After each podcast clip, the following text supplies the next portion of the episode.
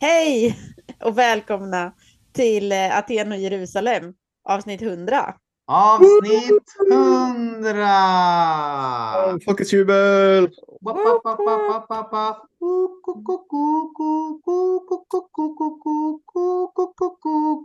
It's the crazy frog! Ja, Okej, det räcker nu. Så. Eh, När ni började Anton, tänkte du att det skulle bli 100 avsnitt?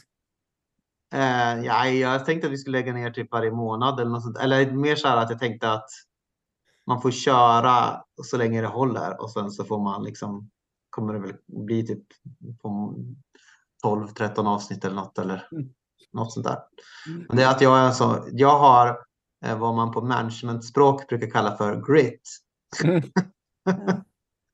så att det- då blir det mycket. Mm. Ja, men det är bra. Mm. Mm. Jag, jag tänker att eh, avsnitt 100 tajmade, inte precis, men ganska bra med eh, att du, du har blivit förälder för tredje gången. Grattis Ja. Anton! Mm. Yes, det så är det. Amos Anton Jonsson har ju kommit till världen. Anton Junior. Anton Junior. Eh, Och, och Amos junior kan man säga. ja, precis. Vi, vi har ju också en Amos. Ja. Vi har en Amos eh, som föddes ungefär när jag flyttade in till eh, Annika en gång i tiden. Ja, ja, så var det. Mm. För, du, för det har vi redan pratat om, men att då var du rädd att behöva bli den som skjutsade mig till sjukhuset. Mm. Ja. Och att du skulle få förlossningspsykos och vilja föda i skogen och sådär. Ja. Men det gick bra. Hur gick det när, Amos, när eran Amos skulle födas då? Ehm, det gick bra till. Ehm, det var liksom, verkarna började väl någon gång på natten. Ehm, men det var liksom så här. Sen så avtog det lite grann och var ganska lugnt ett tag och så sen så ja, men nu började det komma lite mer. Så då åkte vi in liksom på typ eh, tidig eftermiddag eh, den 11 på en lördag då. Och sen Mm. så eh, gick det på typ en timme när vi väl var inne så det gick snabbt. Okej, då gick det väldigt snabbt. Mm. Ja, det, eller lite mer än en timme, men ändå, det gick snabbt. Liksom. Så, Ja. Mm. Ehm, så att, eh, ja, det var kul. Det, hon fick, han inte få epidural och sådär. Nej. Eh, så att det, det blev liksom, ja, Naturlig födsel. det blev en naturlig födsel. Sånt som Sofia hatar, att eh, tanken på naturlig födsel. Så, nu har hon fått eh, utsätta sig för det. Och nu är hon med i det här gänget i alla fall, vare sig hon vill eller inte. Ni kan nog bara eh, fläta in, vad heter det, eh, maskrosor i sitt hår och, Ja, eh, begrava moderkakan under en rosenbuske eller något sånt. Ja. ja, och eh, kanske bara klä sig i linnetyger med lite för väldigt plufsiga byxor och sådär. Mm. Uh, sådana där som, Ja, man föder, som man födde Messias i, sådana byxor. Ja. Eh, eh, men ja, så att eh, det, det var kul. Eller det var, det var inte så kul själva förlossningen. Det, det är en förlossning och eh, det är kul att vi har fått ett barn. Ja. Ja. Mm. Stort grattis. Tack. Mm. tack, tack. Eh, ja. Eh, Hur är det med er då? Du, du håller ju på med bebisar hela dagen i ända, eller hur? Ja, jag är- är på förlossningen och försöker eh, vara med på så många födslar som möjligt. Men eh, Mm. det är väldigt roligt. Är det. Mm. Mm. Det, det är bara lite svårt ibland att de inte föder under mina pass. Så eh, jag har missat några också. Mm. Men det är kul. Mm. Du vet att eh, våran barnmorska hon hade så här livets träd intatuerad på sin underarm. Är det Wow. Mm. någonting som du tänker att du kanske ska göra nu när du blir barnmorska? Barnmorska for life. Liksom. Ehm, jag får överväga det. Mm. Absolut. Mm. Mm. Bra. Ehm, ja. Hur är det med dig då, Viktor? Jo, men det är bra. Jag sitter här och funderar. Jag tror... Det var ju ett tag sedan jag var med, var med senast. Mm. Stort Grattis. Viktor. Vad sa du? Stort grattis Viktor. Tack, tack, tack. Blir det bröllop i sommar? Nej, eh, 2025 någon gång. Troligtvis. Oj, Ja, det är har fortfarande långt bort. Mm. bra framförhållning. Ja, verkligen. Mm. Mycket tid att planera. Är det, att det tar så, är det tar lång tid för hennes föräldrar att komma upp från Malta för att de inte flyger. De måste paddla först och sen så måste de gå igenom Europa. Exakt. Eh, Ja. Eh, när den paddlar runt hela Europa. Nej, Mm. eh, nej inte alls. Eh, nej, men det, vi ville ha lite tid på oss. Och jag Ja. ville ta examen kanske framför allt. Ja, ja. Fint. Mm.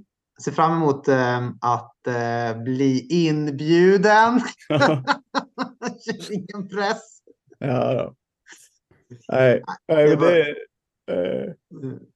Verkligen, fri, verkligen fritt fram. Du behöver inte bjuda in mig. Eh, eh, eller så. så Bara beroende på vilka gäster vi väljer framöver här nu så. Precis. Det beror på hur mycket inflytande Viktor får över resterande. Ja. Om jag, om jag får vara med och bestämma mycket då, då kanske. Det kanske.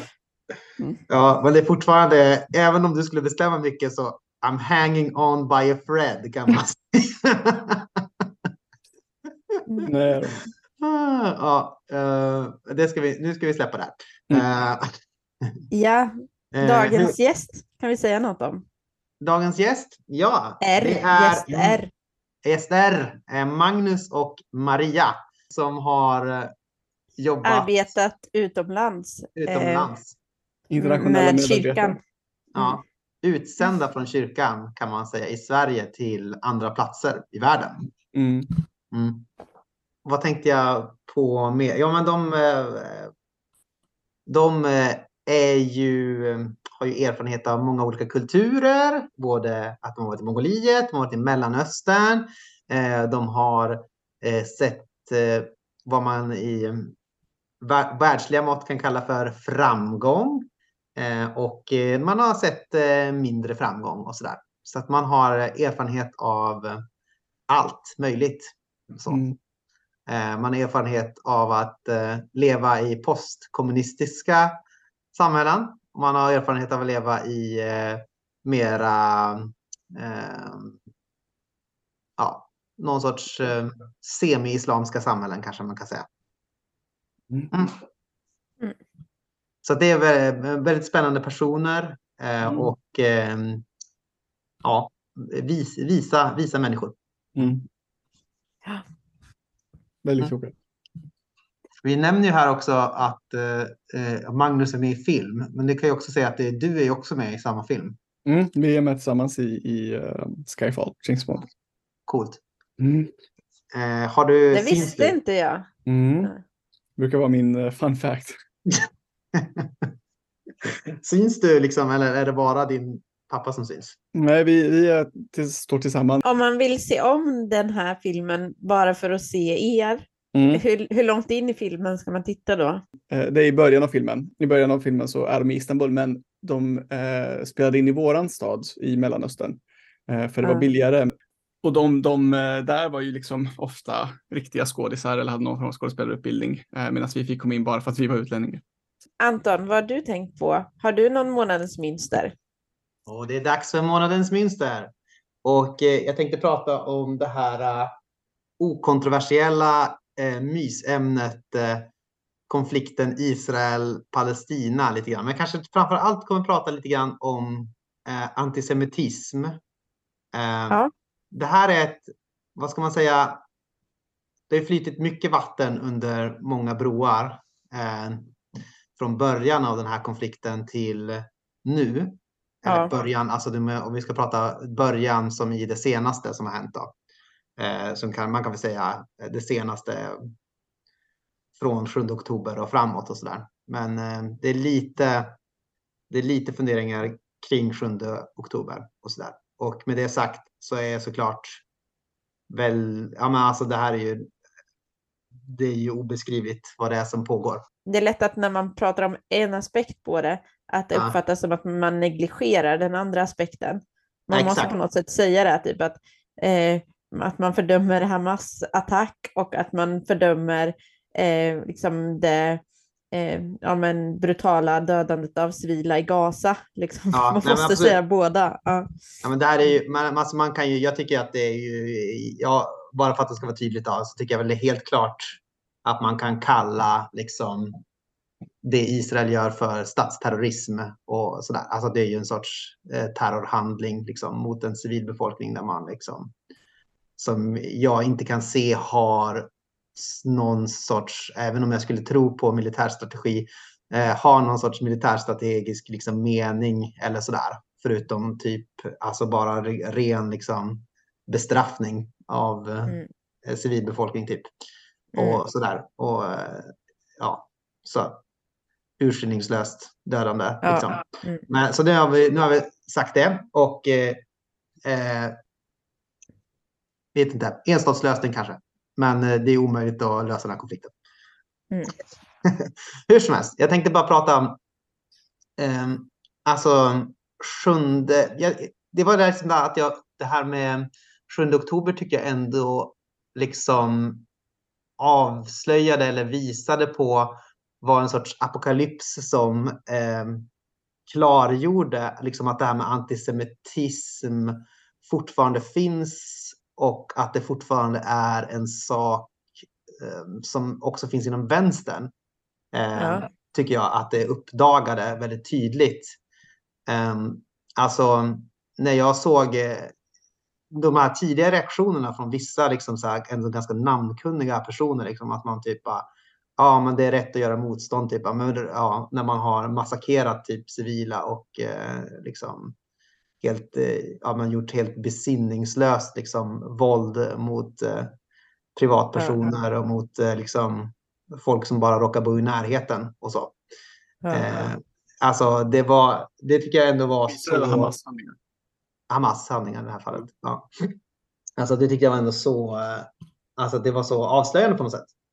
Eh, alltså det är ändå en sorts antisemitism. Jag kan tänka mig att man skulle göra, tänka liksom på samma sätt kring, alltså en som det skulle bara utföras en så här uh, random massaker i typ USA eller sådär. Det tror inte, folk skulle inte liksom, eh, in, no, ingen vänsterperson tror jag skulle liksom, ja kanske några då, men eh, jag tror att majoriteten skulle vara liksom så här, men vad är det, här, det här är ju, det här är helt sjukt, så här kan man inte göra liksom. Men här liksom blir det på något sätt, um, här blir det på något sätt ändå godtagbart på ett väldigt konstigt sätt. Ehm, alltså när man såg att man, att man då bara, att jag såg många som, skrev, som skrev ah, det, det här är liksom avkolonialisering, bara get used to it bitches typ. Alltså att det, det här är, det, det, är så det ska, det här är, det liksom bara är som det är. Och om man liksom har den inställningen att liksom det här sortens um, uh, urskillningslösa mördande är liksom på något sätt befogat. Eh, det kan jag bara se som en som någon sorts uttryck för en latent antisemitism. Och då kanske man inte har, man kanske inte har den inställningen typ i varje tillfälle eller inte ens är medveten om det. Men jag kan inte se det som något annat eh, liksom, än att det är ändå en sorts uttryck för en så latent antisemitism. För annars har jag ofta tänkt att det här liksom, antisemitismen i vänstern ofta är en sorts liksom, eh, skugg eller en sorts eh, halvhittepå kanske man kan säga, från typ eh, högern och sådär. Alltså att man, ja, att man har, att det är liksom över, att det är ganska starkt överdrivet liksom och att, eh, eh, att man använder det för att liksom eh, Ja, man kan ju dels använda det för att man inte ska få kritisera typ Israel. Eh, kan man prata om liksom antisemitismen inom vänstern och det fina hatet och så vidare. Eh, och, och dels så kan man ju använda det som en sorts ja, men kanske för att eh, täcka över ens egna samarbete med typ eh, mer eller mindre mer eller mindre fascistiska organisationer. typ. Ja, eh, just det. Alltså jag tänker, världen men, idag, men, ja. Eh, världen idag, de har ju, eh, de älskar ju, det är deras favoritsak liksom någonsin att eh, om de kan upptäcka någon så här liten lös koppling om det typ är någon någon socialdemokratisk polit politiker i typ Årjäng eh, som är ny, nyinvald kommunfullmäktige. Liksom. Om de kan hitta någonting litet så här som antyder någon sorts antisemitism, då, blir de ju, då tappar de ju då blir de ju så våta i byxorna, liksom, alla på redaktionen. Och eh, mm. det blir fullkomlig liksom, glädjefest, tänker jag. Mm. Eh, och så. Eh, det, det, det, är det bästa de vet och samtidigt så kan man ju se att man är, då, är ganska... Eh, man tycker väldigt mycket om att hitta sådana saker. Men samtidigt kan man ju se att de har ju liksom en, en ledarskribent som är till exempel Karin Stenström. Eh, som har skrivit lite ursäktande om svenska, en svenska motståndsrörelseaktion 2005. Eh, hon har skrivit eh, i ett magasin som heter Salt som är liksom fascistisk och antisemitisk mm. vid ett tillfälle. Eh, och hon eh, och det var liksom efter att det blev allmänt känt att det var en antisemitisk tidning så liksom skrev hon det, för det var inte riktigt så uppenbart från början. Mm. numret innan liksom hon bidrog med en text hade temat Förintelsen, den nya statsreligionen. och hon är, hon är syster med en av ordförande i Sveriges nationella förbund som också är en fascistisk rörelse.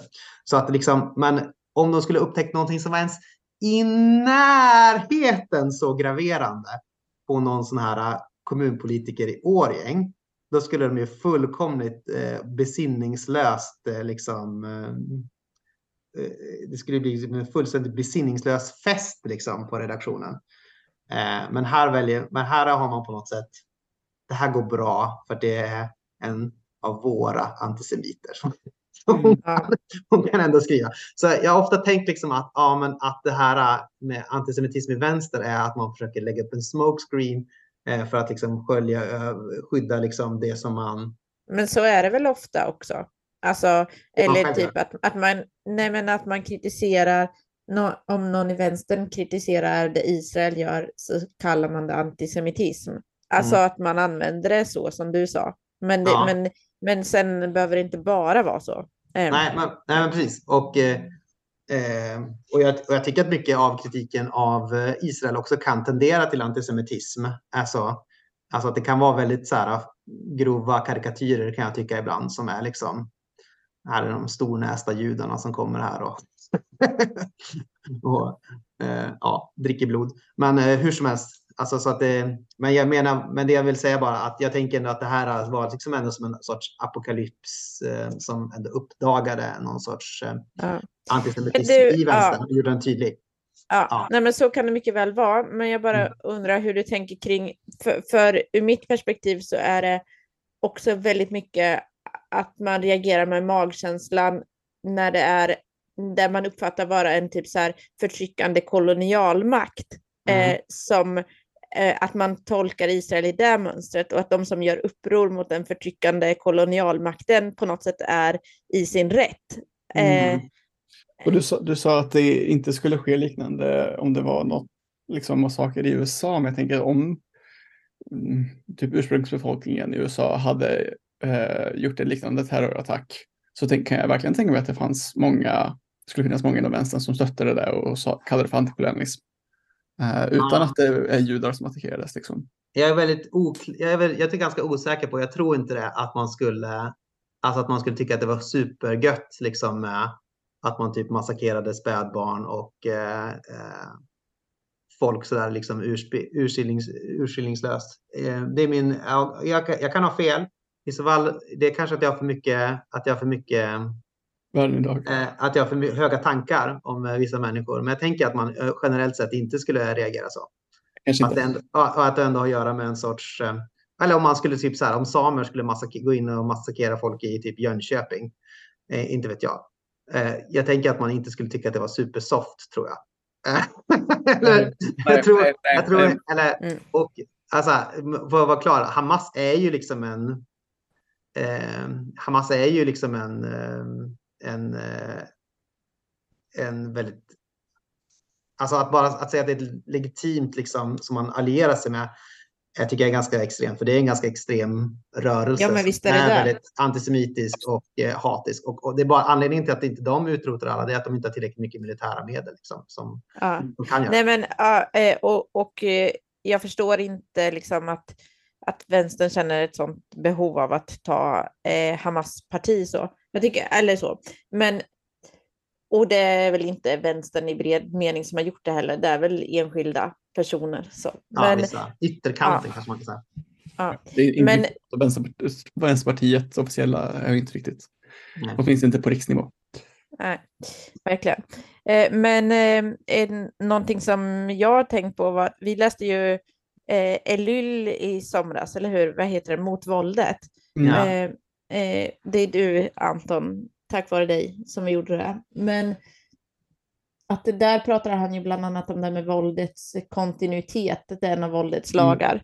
Och det har blivit, alltså det, det är så extremt uppenbart i den här konflikten, Mm. hur man liksom, ja, hur det har pågått i så många år och att det alltid, den ena våldshandlingen kan alltid motiveras med den föregående. Eh, och ja, det är svårt att se ett slut på det, liksom. Att, eh, att det bara eh, fortsätter. Och eh, även om Israel nu försöker förinta Hamas, så eh, då kommer ju det här kommas ihåg av kommande generationer som ett eh, folkmord eller så. Mm. Eh, och vara skäl för liksom, fortsatt våld eller så. Ja, Mm. det är verkligen, Även om de skulle lyckas förinta Hamas så, så skulle det komma nya.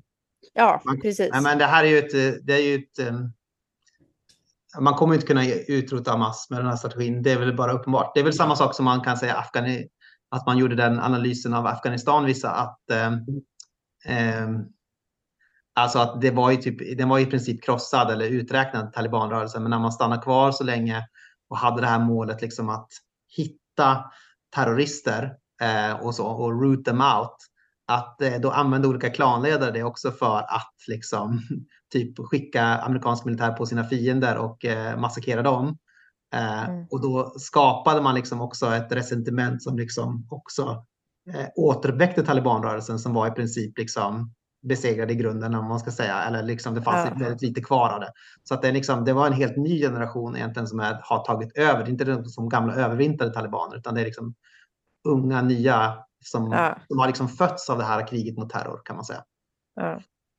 Men och för det är liksom att, ja, vi ska inte stanna här i all evighet, men att, att pacifismen ofta kallas för naiv, men det här med våldet, hur naivt är inte det? Att liksom Mm. tro att man ska kunna åstadkomma något långsiktigt, eh, någon långsiktig varaktig stabilitet med hjälp av den här typen av våldshandlingar som Hamas respektive staten Israel eh, står för just nu. Liksom. Ja. Mm.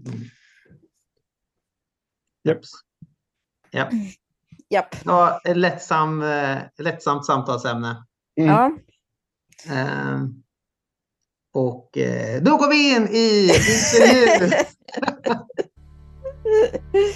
Som blir lite lättsammare i alla fall. Ja.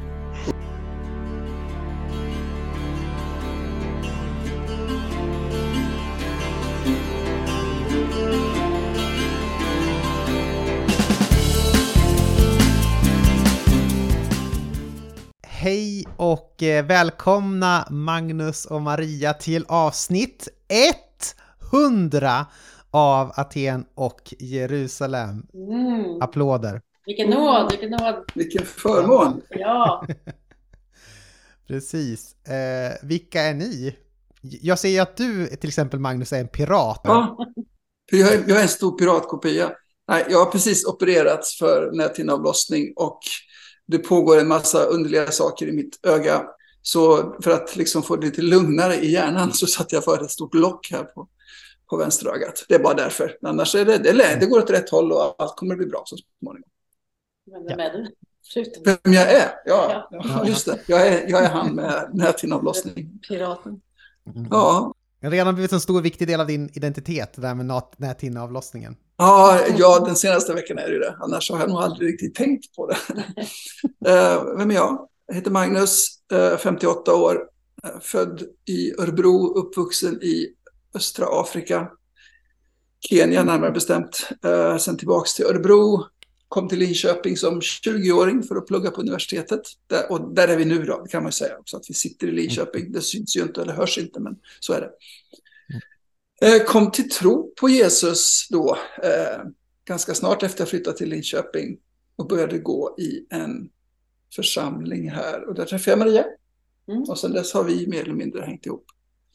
Men hur kommer det sig att du är född i östra Afrika? Om jag får skjuta in Ja, ja men mina föräldrar jobbade med, med ett eh, SIDA-projekt där.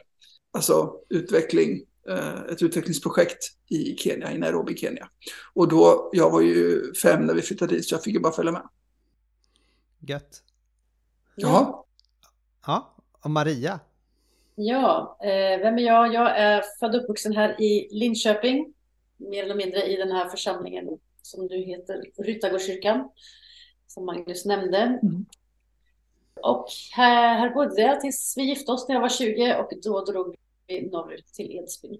Och sen har jag varit ute och snurrat i världen men alltid återvänt till Linköping, Ja. stadernas, nej, städernas stad. sta- stad i ljus. Ja, Det är härifrån ljuset utgår, hit kommer man tillbaka. ja verkligen. Som en mal dras till ljus. Nej. Eh, och till vardags så befinner jag mig på Liljeholmens folkhögskola där jag jobbar som lärare bland annat. Mm, Mm. just det. Jag sa inte det, men jag jobbar ju för EFK, Evangeliska Frikyrkan. Det samfund, eller man ska säga, som eh, Ryttargårdskyrkan samarbetar med. Det går väl också att nämna att eh, du är skådespelare också, Magnus? Eller hur? Oh ja, Alltså, det, det, det är en du viktig har del. ändå av- de- de- deltagit i en väldigt, eh, i en väldigt stor påkostad film har du varit eh, eh, skådespelare i. Ja, du tänkte inte på Linköping Studentspex nu, utan du tänkte på... Nej, jag gjorde faktiskt inte. Eh, för där var jag också med. Men James Bond, eh, Skyfall, Mm. där förekommer jag då i exakt 12 bildrutor i, som bakgrundsartist, som det heter. Är det så, har du liksom, finns de här bilderna tillgängliga? Skulle man kunna, alltså har du liksom fotat av någon av de här bildrutorna som man kan se? Oh ja, varenda en av dem. det skulle vi ju, det får du jättegärna skicka då så att vi får. Ja, men det ska jag göra. Det är klockrent. Ja. Det är jättetydligt när man vet. Där, där. det är viktigt. Viktigt att ändå ha lite, att det ändå blir någonting av det, liksom någon bildruta. Precis. Ja, Claim to fame. Man brukar prata om, eh, du fick du dina 15 minuter i rampljuset. Jag fick i alla fall 12 bildrutor i rampljuset. Mm. Ja men det är inte så dumt, det är det inte. Halsband. eller? Ja, det är en halv. Ja. Precis. Ja, en och en halv sekund. Man får verkligen tänka en och en halv sekund i rampljuset. Ja. Så, eh, ni två, eh, ni har ju en historia av att ha varit utsända i eh, två olika länder. Mongoliet och ett land i Mellanöstern. Det har varit två ganska olika upplevelser. Så, vi kanske kan börja med Mongoliet. Eh, när kom ni till Mongoliet och vad var det som ledde till att ni hamnade där? Vi som unga och nygifta så ville vi väldigt gärna ut i världen eh, och göra skillnad som man säger idag. Och eh, vi funderade mycket på vart vi skulle ta vägen och hade väl blicken inställd mot Asien på något sätt. Och så fick vi, eh, när vi liksom började ta steg eh, till, liksom, eller fundera och planera helt enkelt, hur vi skulle ta oss till Asien, det stora landet Asien. Då. Men eh, då så började vi kommunicera med vår hemförsamling här i Lidköping då. Och eh, en eh, dam som heter Vera, hon hade liksom nyss sett på tvn att just Mongoliet hade precis öppnat upp. Så det här var 1990 kanske som det här samtalet hölls. Ja. Och det, det var ju bara några månader sedan liksom som, som eh, Mongoliet öppnade upp för väst. Innan det hade det ju varit helt stängt liksom med internationella relationer åt det västliga hållet. Men i alla fall, det satte igång en process som gjorde att eh, det blev just Mongoliet i Asien då som vi for till. Och vi ville åka dit och jobba med församlingsplantering helt enkelt. Mm. Så vi gick ett par skolor, kurser kan vi säga, i Amsterdam med UMU. Och sen åkte vi iväg 1992, flyttade vi dit med tanken att här ska vi nog bo ett par år eller lite till. Och sen så Mm. blev vi kvar i tio år. Om man kollar lite på gamla bilder här som jag har gjort från eran tid, där, eran första tid, då ser man två stycken ganska utmärglade kroppar som eh, går omkring i på, liksom påpälsade i ganska bistra betongomgivningar. Det är liksom de bilderna man får. Det här var ju liksom tiden strax efter Sovjetunionens fall. Hur var liksom situationen i Mongoliet då? Och hur var liksom tillgången på mat och förnödenheter och sånt där? Men det var ju ett, nu, ett väldigt, en historisk tid. Det är väl alla tider på sitt sätt, men Det hade ju alltså gått från att vara inte en del av Sovjetunionen, men väldigt, väldigt nära kopplat till Sovjetunionen och hela kommunistblocket och Östeuropa och Sovjetunionen föll ju isär under, den här, under några år bara, under ett eller ett par år. Mm. Eh, och det gjorde ju att Mongoliet plötsligt stod själva. De hade inte det här stödet som de hade fått från Sovjetunionen. Så det var ju tufft helt enkelt att bygga upp en ny infrastruktur, en ny eh, ledning. Man hade bestämt sig för att man skulle bli en demokrati istället för en enpartistat. Och eh, men allt, allt följer samman liksom. Mm. Och det var ont om mat, Mm.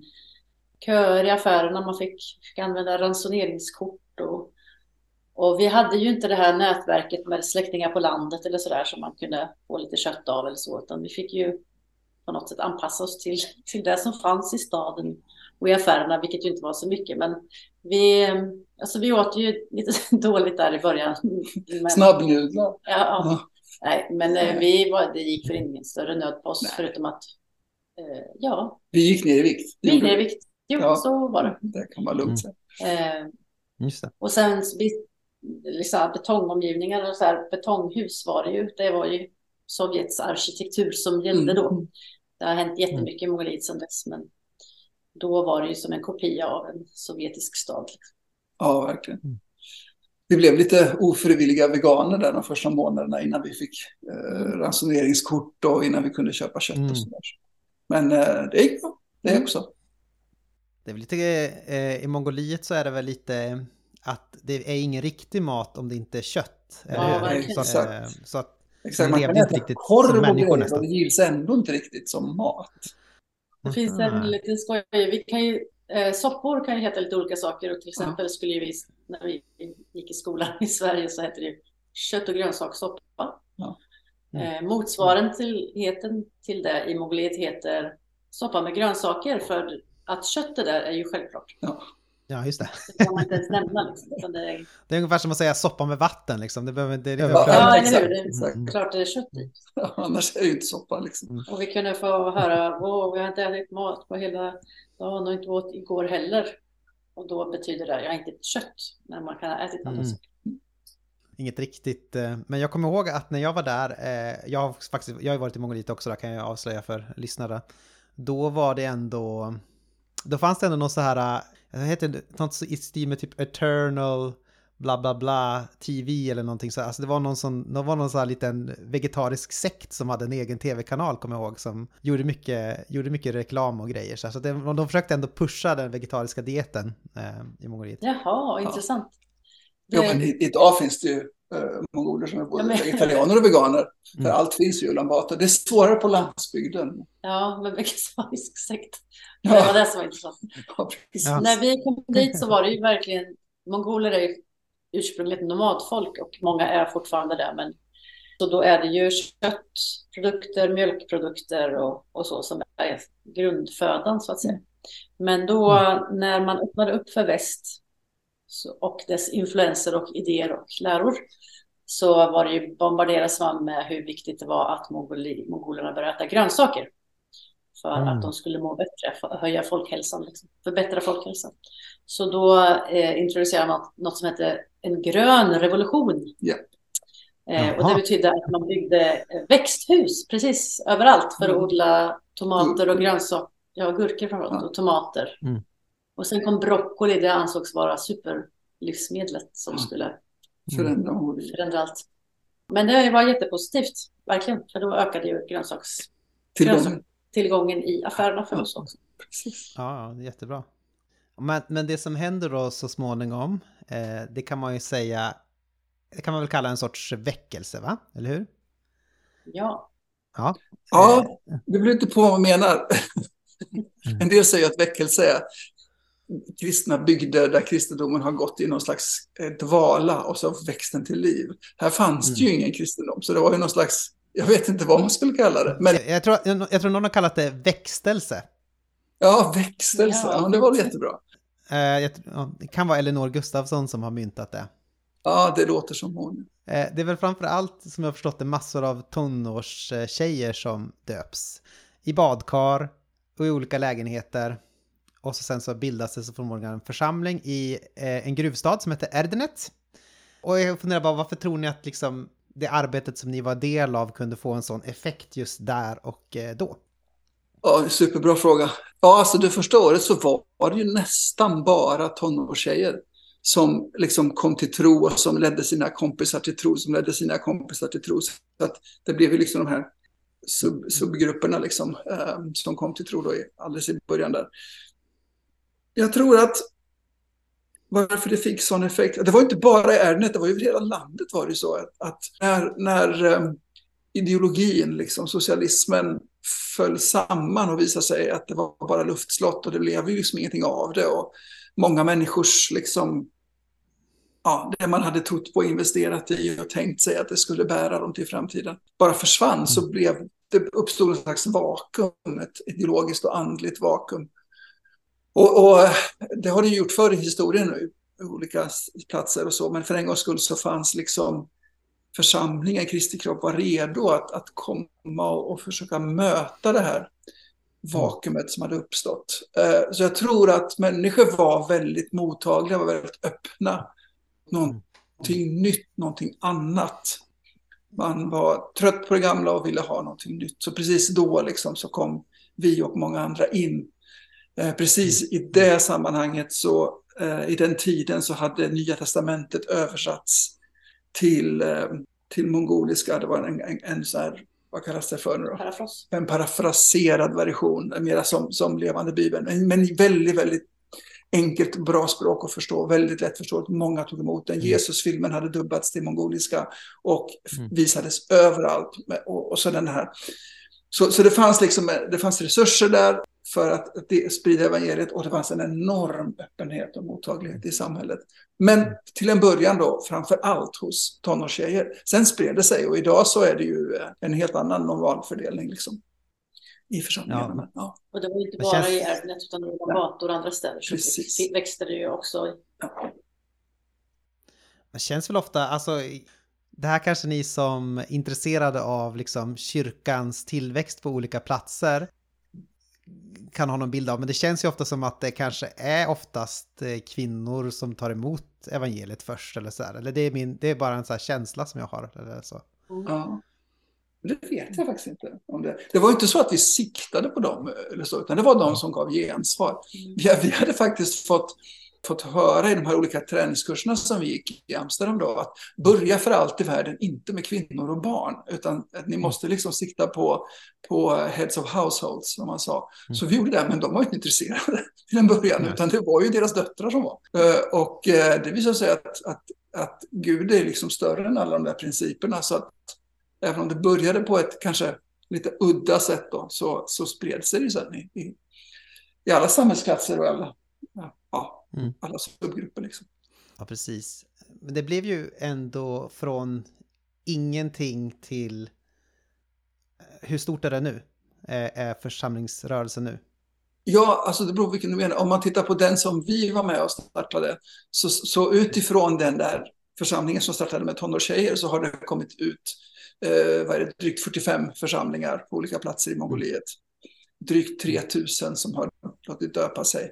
Men i hela landet i Mongoliet så finns det ju över 700 församlingar idag. Så att det, har ju, det har ju varit en enorm utveckling, alltså bara på 30 år. Och, och man räknar med att ungefär 2% av befolkningen är eh, liksom aktiva i en församling idag. Det är väldigt... eh, Det är bra. Det är, är många helt enkelt kan man Ja, säga. det, det är väldigt många. Det är inte så Ja. enorma absoluta tal i och med att landet bara har tre miljoner invånare idag. Men, men Mm det är ju ändå en, en fantastisk tillväxt om man tänker på att 1989 så fanns det fyra kända kristna. Mm. Man kan ju också säga att om man ska ge en bild av Mongoliet så kan vi säga att det finns ju tre städer i princip. Eh, Darshan, Erdenet och Ulaanbaatar och så finns det lite så här eh, AMAC centers, alltså typ eh, små eh, samlingsplatser ute i länen. Och eh, sen så bor vi jätte, jättemånga ute på landet också då. Och så. så man kan, men är det inte liksom svårt att bilda församlingar där det inte är, finns så mycket förtätning? Eh, Om du förstår vad jag menar. Alltså, Jo, Det gör det ju. Det är svårt.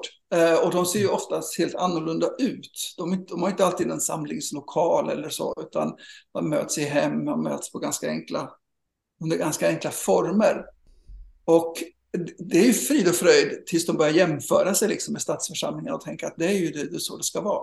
Så det finns lite, det finns lite sådana problem, liksom att man jämför sig och tycker att det här är inte så häftigt. Men det är egentligen ganska häftigt att det möts tio mongoler i en, i en gär på landsbygden. Eh, det är minst lika häftigt som att det möts hundra mongoler i en lokal, en gammal biograf eller någonting i Darshan. Liksom. Men eh, ja, men visst är det, det är svårare, de är mer mobila, de är mer rörliga, det är svårare att ha någonting liksom regelbundet, utan det blir lite mer spontant och när folk är i stan och så vidare. Jag har faktiskt haft förmånen att vara ute och resa med er ett tillfälle i eh, Mongoliet när, jag tror att det var, är det, vilket jubileum var det? Var det 30-årsjubileet vi var på? Var Nej. det, M- var det MMCs 30-årsjubileum? Nej, det kan det inte vara. Ja, MMC, Nej, Nej, kanske var MS senare. jubileum var det i så Ja, fall. förlåt, just det, Ja. förlåt. ja, det var det nog. Något, något jubileum var det i alla fall. Ja. Det var Och, eh, var- MMC. missions- Då var jag ute och reste ner till Erdenet och sådär. Eh, och eh, det är min största eh, upplevelse av det, det var ju vilka eh, rockstjärnor ni är i den här, eh, vad ska man säga, segmentet av det mongolska samhället. Att oftast, om det var någon som så här, eh, ville prata med mig så var det i 95% av fallen så här, eh, skulle du kunna ta kort på mig tillsammans med Magnus och Maria eller så. Det var lite grann som att vara ute och resa med typ Paulus eller, ja inte vet jag, Beyoncé eller någonting sånt. Eller, eller Paulus och Beyoncé. Paulus och Beyoncé ute i, eh, så att det var bara så. Ni Ja. har, eh, ni har fått en liksom lite kultstatus kan man säga i Mongoliet. Sen är det ju också en, en kultur av att vilja ta kort med Ja. tillsammans i alla konstellationer. Precis. Just det, precis. just det. Mm. Mm. Det är inte bara när vi är där. Mm. Ja, i och för sig. I och för sig. Ja, ja. Men de frågar inte, de frågar, jag fick aldrig med på några kort i alla fall. Så att de, Nej, det säger så. Kanske Ja. något. Okej. Stora sådana gruppbilder fick på kanske. Någon gång. Ja, just det. Fint. Ja. Ja, spännande. jag tänker på det här att när man är med i liksom starten av en församlingsrörelse eller så, då kanske man skulle vilja sätta liksom sitt eh, skillingatryck eller sitt imprint på eh, den här rörelsen. Å andra sidan så har man ju kanske också den här önskan, eh, en gammal så här eh, princip när man håller, tänker på att starta församlingar så att man vill att den ska vara självteologiserande, alltså att den ska liksom skapa sin egen teologi. Kände ni av liksom det som en sorts spänning liksom mellan att vilja liksom sätta sitt eget, att sätta sitt, sitt märke på det eller på vad man ska säga och att låta det liksom ta form själv? Man, man får nog tänka på att vi var väldigt unga när vi åkte dit. Vi var 22 och 26. Och då kan man ha ganska starka åsikter och principer om saker och ting. Och vi, vi var så här, det är bara Jesus och Bibeln som vi vill ge till mongol- mongolerna. Allt an- annat är tradition och oviktigt. Mm. Eh, så det var liksom det receptet vi hade. Att tillsammans med Jesus och mongolerna så skulle vi se någonting hända och eh, formas liksom sådär. Så vi grävde inte i Mm. massa andra teologisk litteratur och bla bla bla. Så, så vi tänkte, nej men eh, det räcker så. Vi, vi läser Bibeln tillsammans med mongolerna och så tar vi sak, en sak i taget. Allt eftersom det dyker upp. Mm. Eh, ett mycket enkelt och kanske något naivt recept. För det ledde ju Mm. till att Alltså, även om Erdenet kanske var en ganska isolerad stad så de som blev troende fick ju kontakt med andra kristna i huvudstaden och även andra utsända personer från alla möjliga sammanhang och så började det komma in då sådär eh, frågor efterhand. Så här, Åh, de säger att ni är karismatiker, vad betyder det? Mm. Och så, då så blev det plötsligt, fick man förhålla sig till det fast vi hade helst velat slippa förhålla oss till alla dessa Mm. titlar på Mm. kristna Mm. Ja. Ja, jo, men precis. Alltså, vi, vi gick ju in i det med... Alltså det kan må vara naivt eller inte, men, men vi hade ju en känsla av att det finns ju ingen som helst anledning när man kommer som de första utsända med evangelium till en plats att liksom börja, börja sätta upp flaggor eller, eller säga att det här är baptister, det här är liksom katoliker, det här är protestanter. Vi tyckte det var ganska ointressant. Mm. Åtminstone till en början. Utan nu är det ju liksom den enklaste möjliga formen av evangeliet. Och sen får man liksom se hur det landar, hur det tas emot och vad som utvecklas ur det. Sen tror jag att det kanske ur, ur, ur en synpunkt så där ska man kanske inte dra för stora växlar på. Men ur en synpunkt tror jag det var bra att vi inte hade för mycket teologisk träning faktiskt. Mm. Vi hade fått en del redskap i hur man liksom planterar evangeliet, hur man delar evangeliet och hur man liksom tillsammans med, med lokala troende formar församlingsgemenskaper. Det var, det var inte bara medvetet, det var också att vi var ganska ignoranta. Vi visste inte så mycket om teologi och det kanske var mm. bra just i det, i det läget. Då, för det, det fanns ju inte på kartan att vi skulle börja liksom prata om eh, eh, kalvinister och armenianister och, och liksom de sakerna, utan vi, vi började på enklast möjliga sätt. Sen klart att det, det Ja, vi satte ju vårt imprint ändå. Ja, vi var klart färgade av vår ja, bakgrund, men inte så medvetna om det. Nej, mm. nej och vi gick ju åtminstone inte ut och sa att nu ska vi heta liksom, den första baptistförsamlingen i Erdenet. Det fanns ju andra som, som mm. hade det. Och, och liksom sådana här konstiga ord, presbyterianer och baptister började dyka upp. Och folk började jämföra sig. Och det, det enda det ledde till var ju just det där gränsdragningar och jämförelser. Och vi tyckte det var, vi tyckte det var mm. jättesorgligt liksom, att det ska börja på det viset. Ja, det var både medvetet och, och omedvetet från vår sida. Och sen som sagt så satte vi ju våra avtryck. Vi, vi har ju en bakgrund från liksom IFK, tränade inom UMU, svenskar. Det blev ju alla möjliga liksom, eh, vad ska jag säga, o, o, inte oönskade nödvändigtvis, men, men inte, inte liksom vi gjorde Icke avsiktliga. Icke avsiktliga ja. konsekvenser av det. Till och med att de började dricka kaffe till exempel. ja, började de där på riktigt? ja, det blev en jättegrej.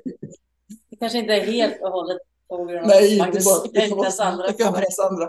Men det var liksom så här, bara, oj, ja, det var inte meningen, men så blev det i alla fall. Sen nu, om man nu liksom spolar fram 30 år och, och man liksom, nu börjar man fråga, men vad, vad har ni för liksom teologisk bakgrund och vad, vad är liksom ert samfund? Nu finns det ju liksom rejäla samfund i Mongoliet. Och då börjar vi prata liksom om EFK som, som evangelikala baptister med, med karismatiker och, och med en, en, liksom, missionell syn. Och då bara, men det är ju precis som vi. bara, ja, det kanske, det kanske finns en orsak till det. What a coincidence!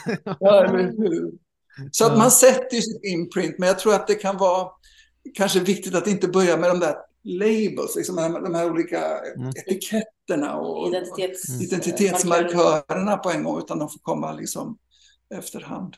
Man kan tänka att det är lite grann som om man då eh, får jämföra det igen då med Paulus, alltså Paulus löser lite frågor eftersom de kommer upp liksom, kan man ju tänka att det är ju, om, om det är helt nytt så är det väl så man borde göra kanske. Ja, det går inte att ta allt, hela evangeliet Exakt, exakt. Mm. utan det börjar, det börjar oftast i praktiska frågor, precis. Mm. Bara några veckor efter att församlingen hade sitt första dop så blev det det här mongoliska nyåret. Och de liksom, åh, är det okej okay att, att, att knäfalla inför den här lilla buddha-bilden? Och är det okej okay att göra det och göra det? Kan man, kan man säga så här till sina föräldrar? Det blev liksom väldigt konkret, väldigt praktiskt på en enda gång. Och då får man liksom mm. ta två steg tillbaka, börja gräva i skrifterna och sen liksom se, vad, vad tänker ni när ni läser det här? Är det, är det applicerbart på det här? Liksom den, ja, den approachen. Man börjar inte i skapelsen. Liksom. Det känns ju väldigt mycket som en sån problem som Paulus också kunde ställas inför. Typ, när jag äter den här måltiden ska jag böja knä inför den här lilla Buddha, eller inför den här bilden då på vem det nu kan vara. Artemis kanske. Ja. Blir, jag, blir jag förgiftad om jag tar del av måltiden vid en buddhistisk begravning? Liksom? Äh, nej. Men liksom att, att ja, det, var, det blev den typen av frågor väldigt snabbt. Liksom. Mm. Och sen, oj, de... min flickvän är gravid, vad gör vi nu? Liksom, Jaha, mm. okej, okay, nu måste vi börja prata om det här jungfrufödsel. Ja. ja. Äh, Exakt. Ja, äh, men det är väl lite så. Ja, men det är ju spännande. Eh, det är spännande att vara i den situationen att, ja, att det finns inte så mycket förutfattade meningar utan man får liksom testa sig fram lite tillsammans typ. Ja men verkligen. Mm. Det fanns ju inga förutfattade meningar, inga, inga, inga förutfattade någonting. Jesus, sa de, är han amerikan eller engelsman? Alltså är han amerikan? Helt otroligt. Eh, ja, vi har många historier om, om just det där. Det här totala liksom bristen på, vad ska man säga, kunskap om något mm. som gäller, gäller Bibeln eller bibliska historier. Mm. Och det var ju, jag tyckte det var ganska befriande. Mm, verkligen. Mm. Ja men verkligen, ingen så här, eh, ingen kulturkristendom som ligger och spökar som, där man har väldigt starka uppfattningar om vad som är och vad som inte är. Så. Men om, man kan ju tänka det här med liksom, ibland brukar man prata om i olika sammanhang att församlingen ska vara, vad är det, självutbredande, självfinansierad kanske?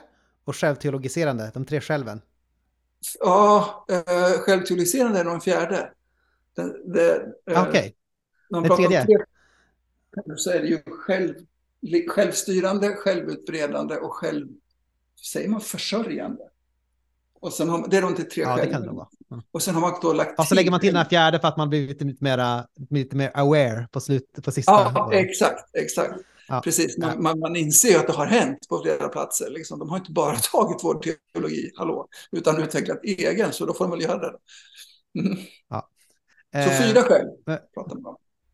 Fyra skäl, just det. Men ibland kan man ju tänka att, eh, inte vet jag, att eh, det finns det finns liksom andra som håller på och är ute och reser, eh, utsända liksom från andra nationer. Kanske amerikaner, vad vet jag. Kanske sydstatsbaptister.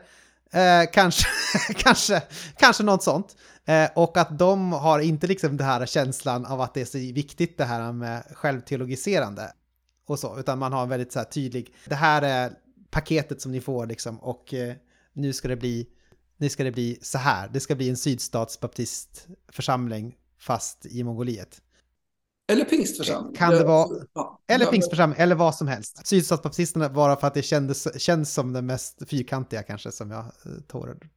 Men det finns, det, det, finns, det finns andra som är betydligt mer fyrkantiga och, vad ska vi säga, krångliga än dem.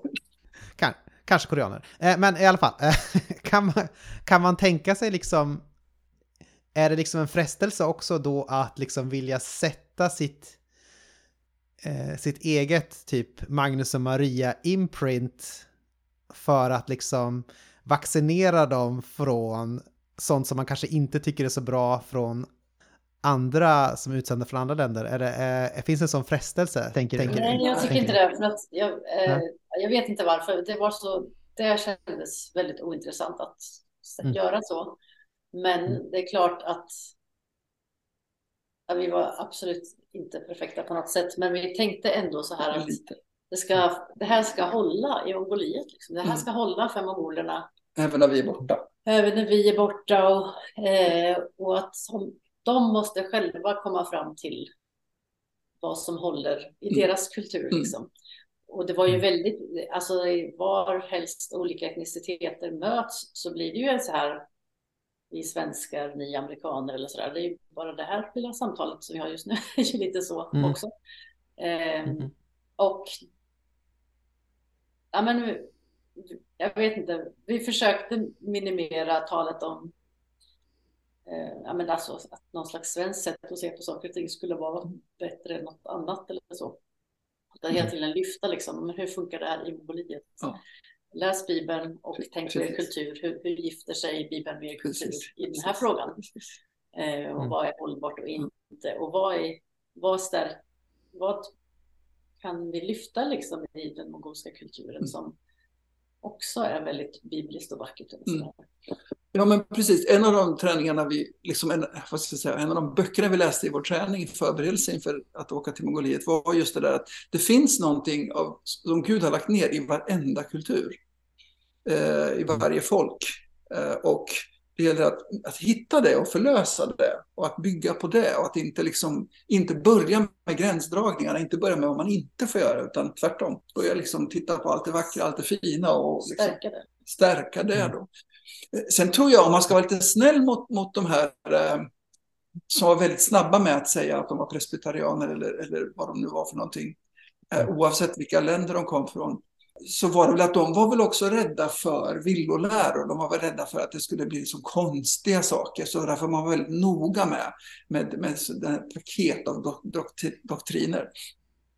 Eh, sen tyckte vi tyckte att det var förfärligt sorgligt, liksom, att mongolerna kom på det själva liksom, efterhand. Mm. Um, för att det, det bar ju... Mongolerna tolkade ju inte det som, som uh, alltså, mongolerna tolkade inte det som, nu, nu gör jag mig till tals för dem och jag generaliserar, det är bra att understryka det. Men, men de såg inte det som omsorg om, om liksom den rena läran, utan de tolkade in, ah, okej, okay, svenskarna är så här, koreanerna är så här, amerikanerna är så här, och vi, vi hissnade lite, oj, det finns svenskar som står väldigt nära de där amerikanska pingstvännerna också. Så att det är nog inte mm. riktigt en etnisk fråga eller nationell fråga. Men, men hur som helst, det var så det, genom det filtret man ofta såg det. Så det var lite utmanande då. Men vi frestades inte att sätta liksom Magnus och Maria-stämpel, utan precis som Maria sa, när det dök upp sådana frågor, även när de sa, nu säger de här församlingen i Ulan Bator säger så här, okej, okay, vad säger Bibeln? Så gick vi tillbaka till skriften och så började vi liksom, ja, mm. försökte vi det. Det var inte alltid det var så enkelt att bara lösa det så, men det var ändå, vi, vi försökte på något vis säga, kommer det sådana här frågor, gå inte till din, din liksom pastor eller den utländska ledaren av ditt sammanhang och fråga, utan gå till skriften och börja brottas med den. Liksom. Det var, det var liksom det vi försökte. Men gör det tillsammans. Ja, men precis, gör det tillsammans, exakt. Alltså, nu för tiden pratar man om DBS, Discovery Bible Studies. Jag hade ju inte en aning om att det hette, men det var ju det vi gjorde i stort sett hela tiden. Vi läste, läste bibelstycken om och om igen. Vi pratade om det från olika infallsvinklar. Liksom. Det var väldigt nyttigt och bra att göra det så, så även fast vi inte visste vad det hette. Nej men som sagt, jag, jag kan verkligen tro på det här att det är bra med typ lite teologisk naivitet när man... Ja, faktiskt, jag, jag tror jag håller med om det, även om jag kanske inte är mest känd för att vara teologiskt naiv. Årets understatement. Ja, men jätteintressant. Och jag vet ju också så här, om man kollar på gamla videos från er så är det ju jättemycket så här typ mongoliska kläder, det är jättemycket så här hästfioler, det är jättemycket, äh, allt, allt, allt, sådana där grejer liksom, att det är väldigt eh, klätt i ett sorts, det är en väldigt mongolisk kyrka kan man säga. Eh, vi känner nog att vi var, fick bromsa liksom västerländska påverkan på det mongolska samhället och kulturen. För vi tyckte det var så häftigt. Det mongolska, allt mongolskt var ju nytt och häftigt för oss. Mm. Och vi vill, var ju ja, men tänkte väl för den mongolska kyrkan måste se mongolsk ut och låta mongolsk. Eh, och så har vi en mm. massa ungdomar som vill bli västerlänningar. Mm. Liksom så. så det var väldigt mm. intressant. Vem, vem slår på vilken trumma? Ja, men verkligen. Vi blev nästan mer kulturkonservativa än dem ja, till slut. Så vi fick ju, när resten av samhället ändå blev väldigt liksom västerländskt i sin stil. Vissa delar. Eller vissa delar, mm. stora delar. Så då fick vi ju liksom, ja, gilla läget lite. Men även att vi, vi i alla, sam, alla möjliga och möjliga, omöjliga sammanhang så lyfter vi upp liksom den mongolska kulturen. Mongolsk musik och så. Precis, de ville, de ville ha Hillsong, eller dåtidens Hillsong, och eh, ni ville ha hästfioler kan man säga. Lite, lite så, precis. Fast idag tackar de oss för det. Det gör de, det måste jag ändå säga. Mm. De har elektriska. Ja. det är, det är ju väldigt sorgligt, tänker jag, överlag att eh, det känns som att eh, de flesta kulturer håller på att dö och uppgår i någon sorts monokultur. Så det känns ju fint om man kan hjälpa till att ändå lyfta lokala kulturer eh, varhelst man är, liksom, tänker jag. Tänker jag. Verkligen. Och i vilket sammanhang. Oavsett om man, är, om man jobbar utomlands eller om man jobbar i typ eh, Nora eller vad det mm. kan vara. Liksom. Uh, Eh, Eh, så, vi byter lite land. Ni åker sen ut till ett land i Mellanöstern. Eh, när åker ni dit och vad gör ni för sorts arbete där? Ja, eh, efter eh, tio år i, i Mongoliet och så har vi ett par år i Sverige och sen åker vi då till Mellanöstern och då, då är det 2004. Eh, och då har vi ett par små pojkar med oss som vi kallar våra, eh, mm. som är fem och sju år, Viktor och Jonathan. Och eh, eh vi tänker ganska likt sådär. Vi vill leva som kristna, vi vill dela gemenskap med andra och vi vill dela våra liv med dem som ännu inte känner Jesus. Eh, och, men vi insåg att här får man jobba på ett annat sätt. Eh, så efter språkinlärning så jag, jag fick ett jobb på en skola som eh, lärare och eh, Magnus hade, ja, du testade den banan först men eh, det funkade inte riktigt så då startade du ett företag där du var språkkonsult och översättare. Precis. Jag har haft många fina titlar. Ja, men verkligen. Och så hade vi ju ett team av andra likasinnade som vi jobbade tillsammans med. Mycket relationsbygge och bara le leva livet helt enkelt där. Dela, dela Jesus genom de liv vi lever och de relationer vi hade och de grannar vi hade och så vidare. Så hur länge var ni där? För när, när åkte ni hem? Jag kanske missade det när du sa. Nej, det sa jag inte. Men det blev också tio år. Ja, det var tio år där. Så, Mm. Så 2014 eh, flyttade vi tillbaka till Sverige. Vad är er upplevelse av den tiden? Det är ju en fråga. Och en annan fråga är, fick ni liksom se samma sorts eh, framgång i det här landet? Ja, men eh, om vi nu har beskrivit att de första åren i Mongoliet var väldigt eh, eh skrala när det gäller mat och eh, tillgång till saker och ting och eh, alltså rent fysiskt utmanande.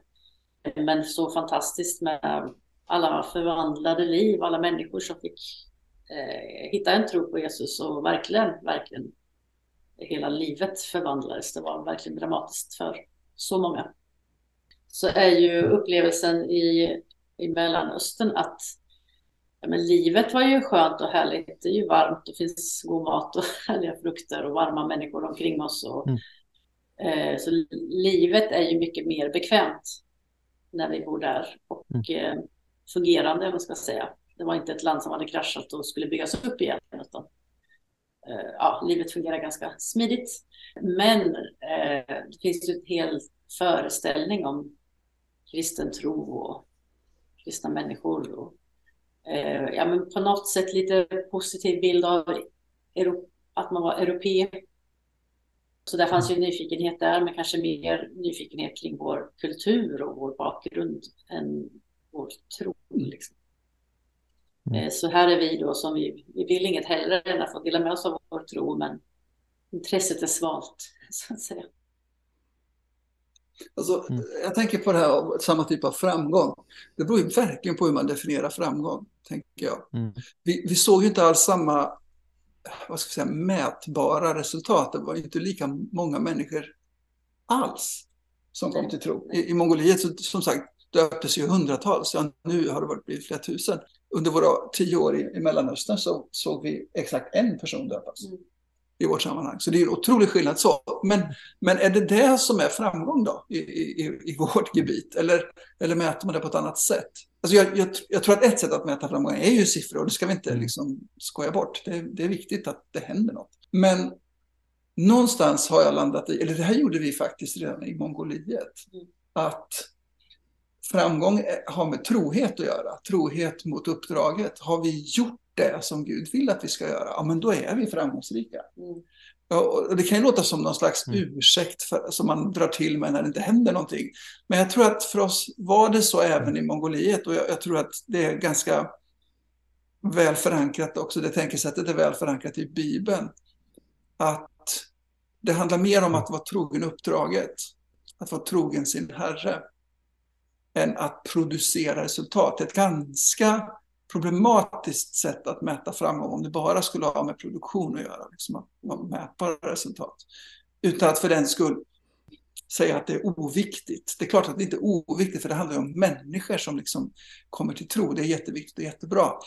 Men ja, ur, ur vårt lilla perspektiv så tror jag det, att vi var lika framgångsrika i, i Mellanöstern som i, i Mongoliet, faktiskt för att vi gjorde det vi skulle. Fast även om vi har tänkt de tankarna redan i Mongoliet så var det ju väldigt mycket kamp. Jag ja. tänkte ju väldigt många dagar i veckan. Eh, liksom är, det, är det värt att vara mm. här? Liksom? Det, det, är ju ändå, även livet var härligt på många sätt, så är det ju ändå, man lever långt borta från sin familj i Sverige. Man vi uppfostrar våra barn i ett annat skolsystem som kommer det ge dem fördelar och nackdelar hur de blir stora? Hur påverkar det dem liksom? Hur, många år ska vi gå här och inte se mer hända liksom? Räcker det att vara trogen där vi upplever att Gud har kallat oss till? Räcker det att älska den som kommer i min väg och eh, när tillfälle ges liksom? Eh, eller krävs det något mer? Då har vi hela, hela, hela paketet med att vara utsänd. Eh, och här sitter liksom Greta och Olle och liksom ger och samlar in i kollekten för att vi ska leva här. Liksom. Greta och Olle kanske vill se mer effekt av sina pengar och så där kan tankarna gå. Liksom, så. Verkligen.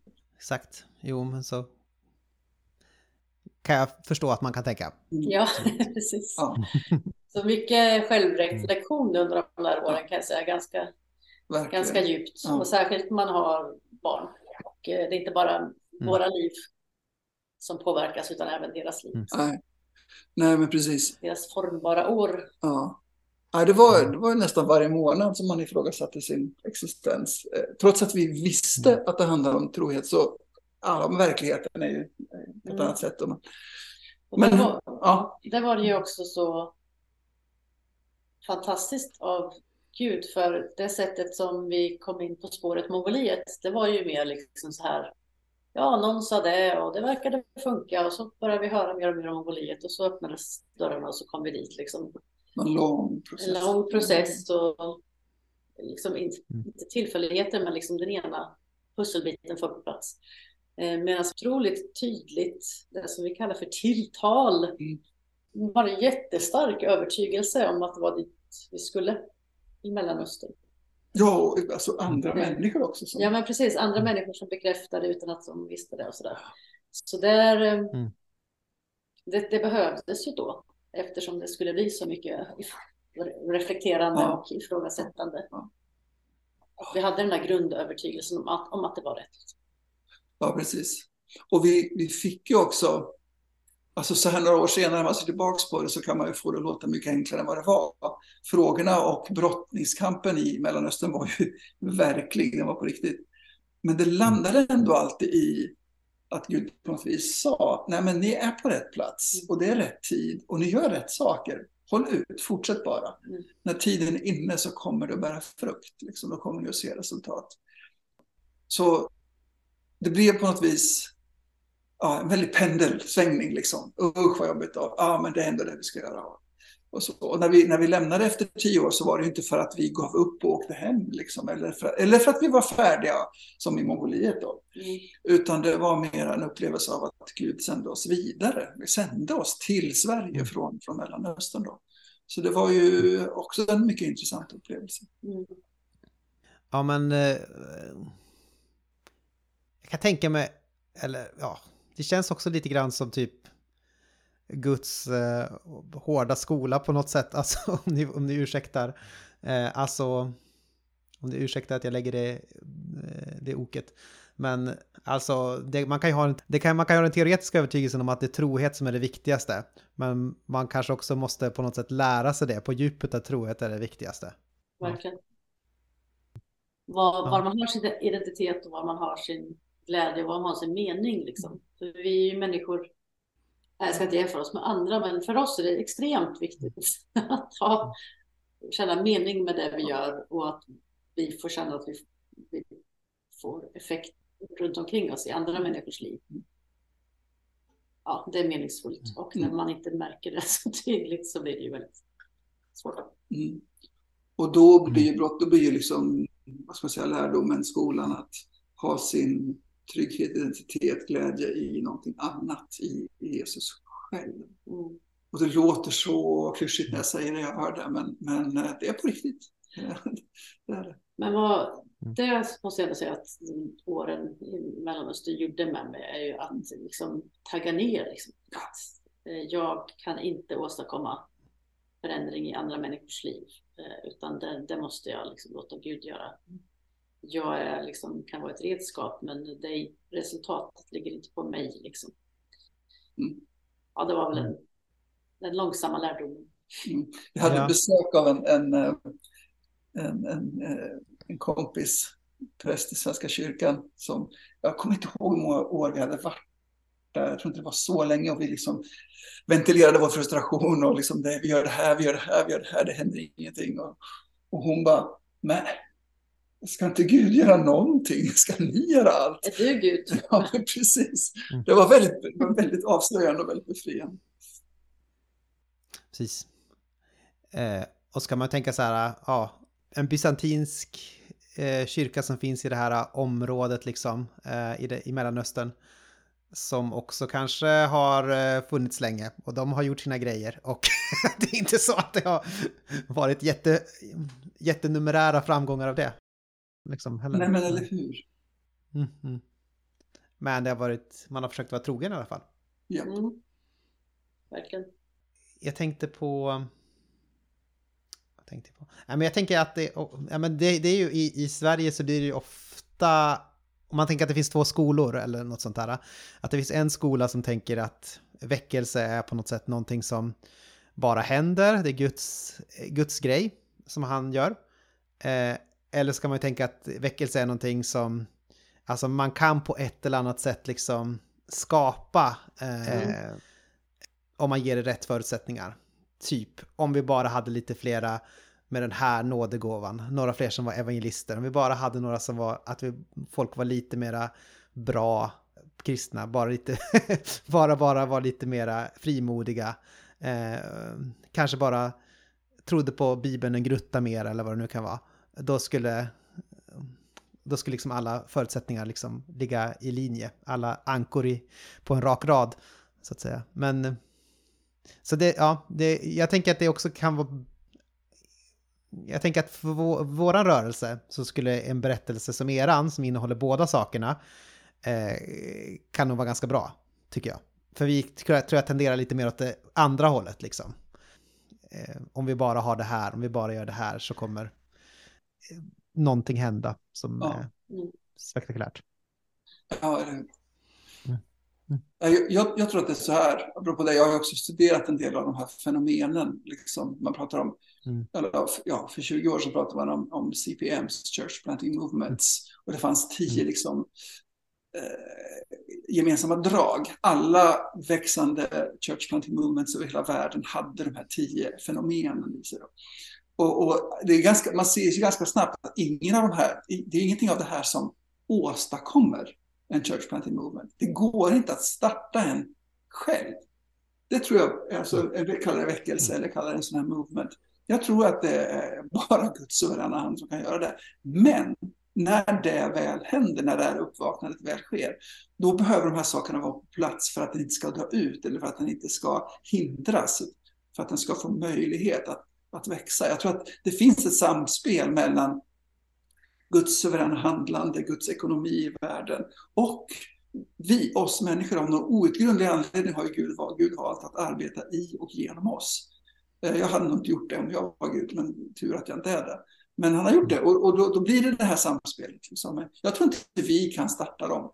Jag tror att det finns saker som vi alltid ska göra. Vi ska alltid eh, leva på ett, på, ett, på ett visst sätt så att det attraherar människor, så att det väcker frågor. Vi ska alltid dela evangeliet, svara på frågor.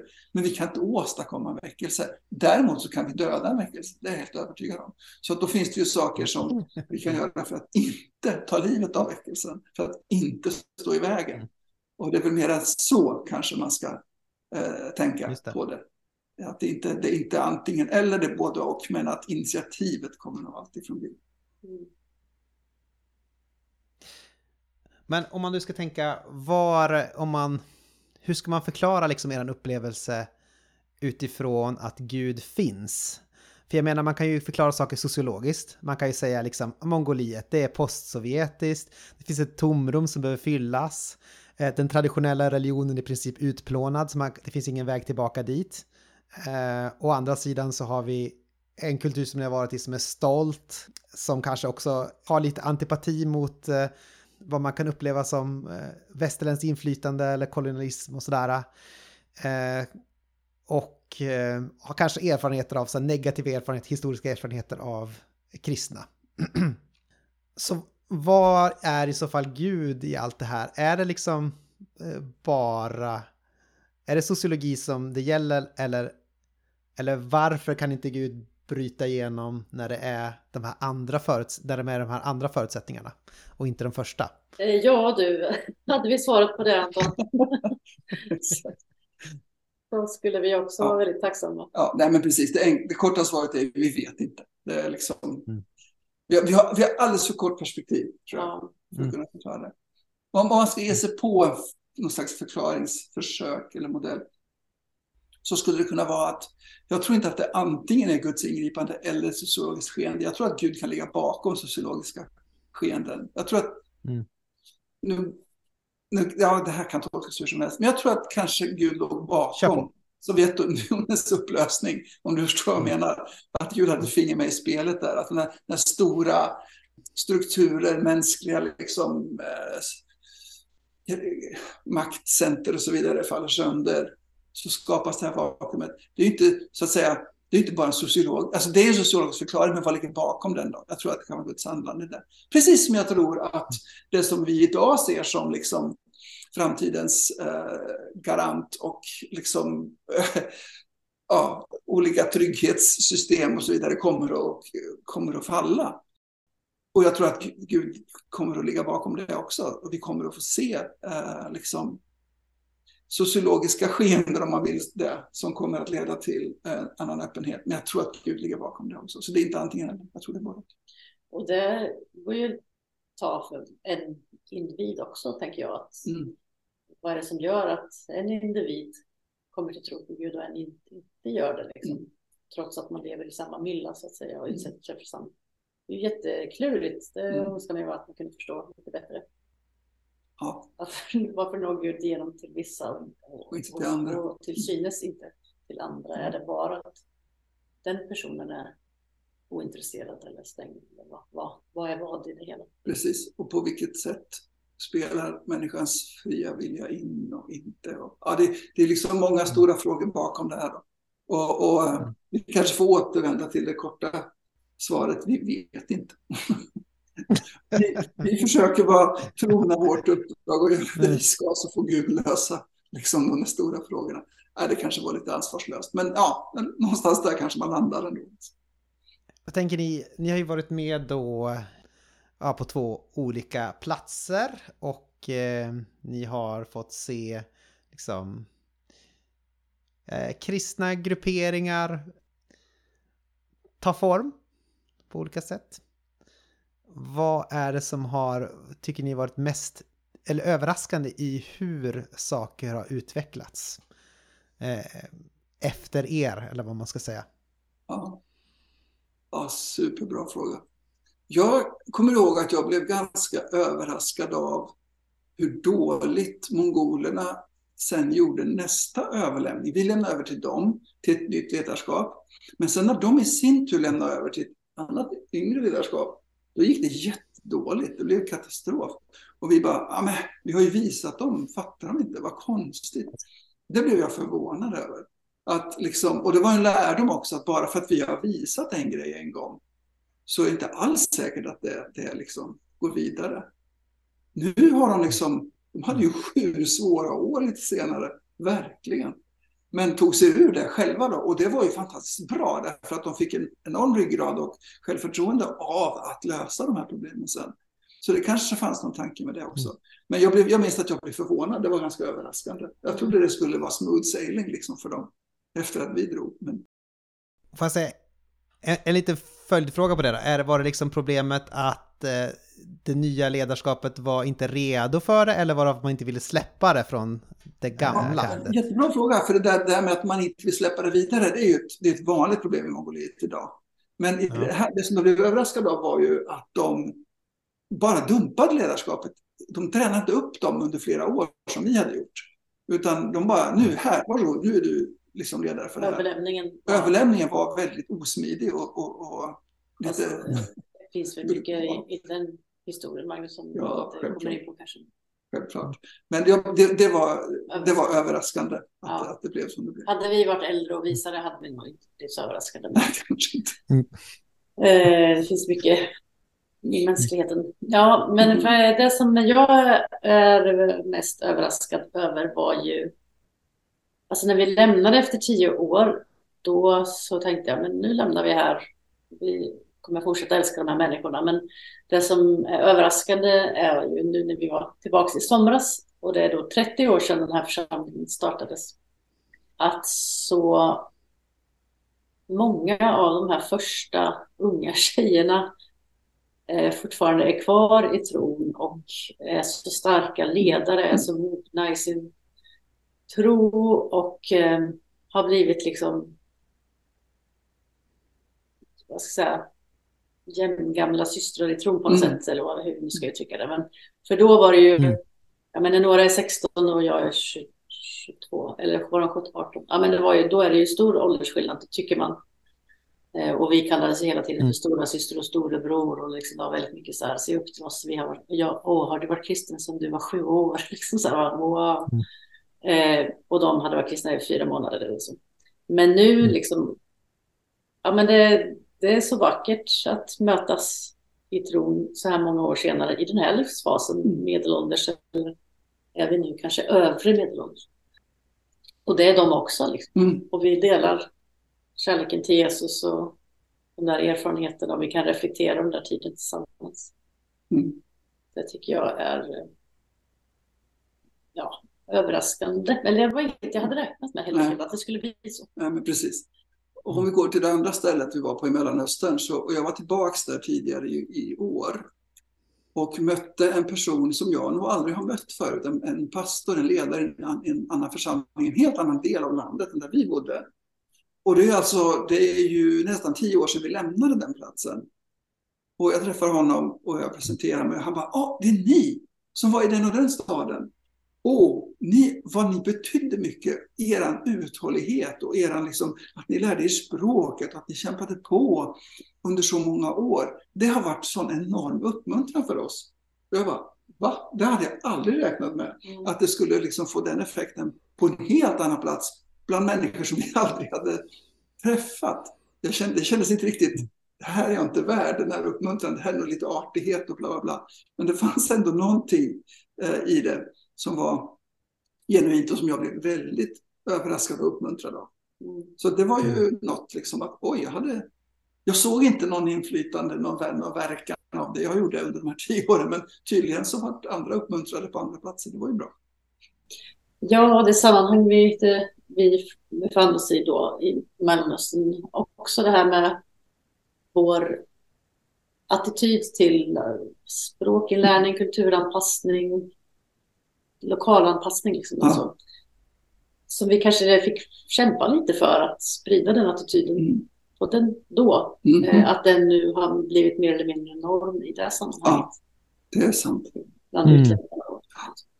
Ja, det är lite... Det hade vi kanske inte heller förväntat oss att höra, att det fortfarande har effekt. Liksom. Mm.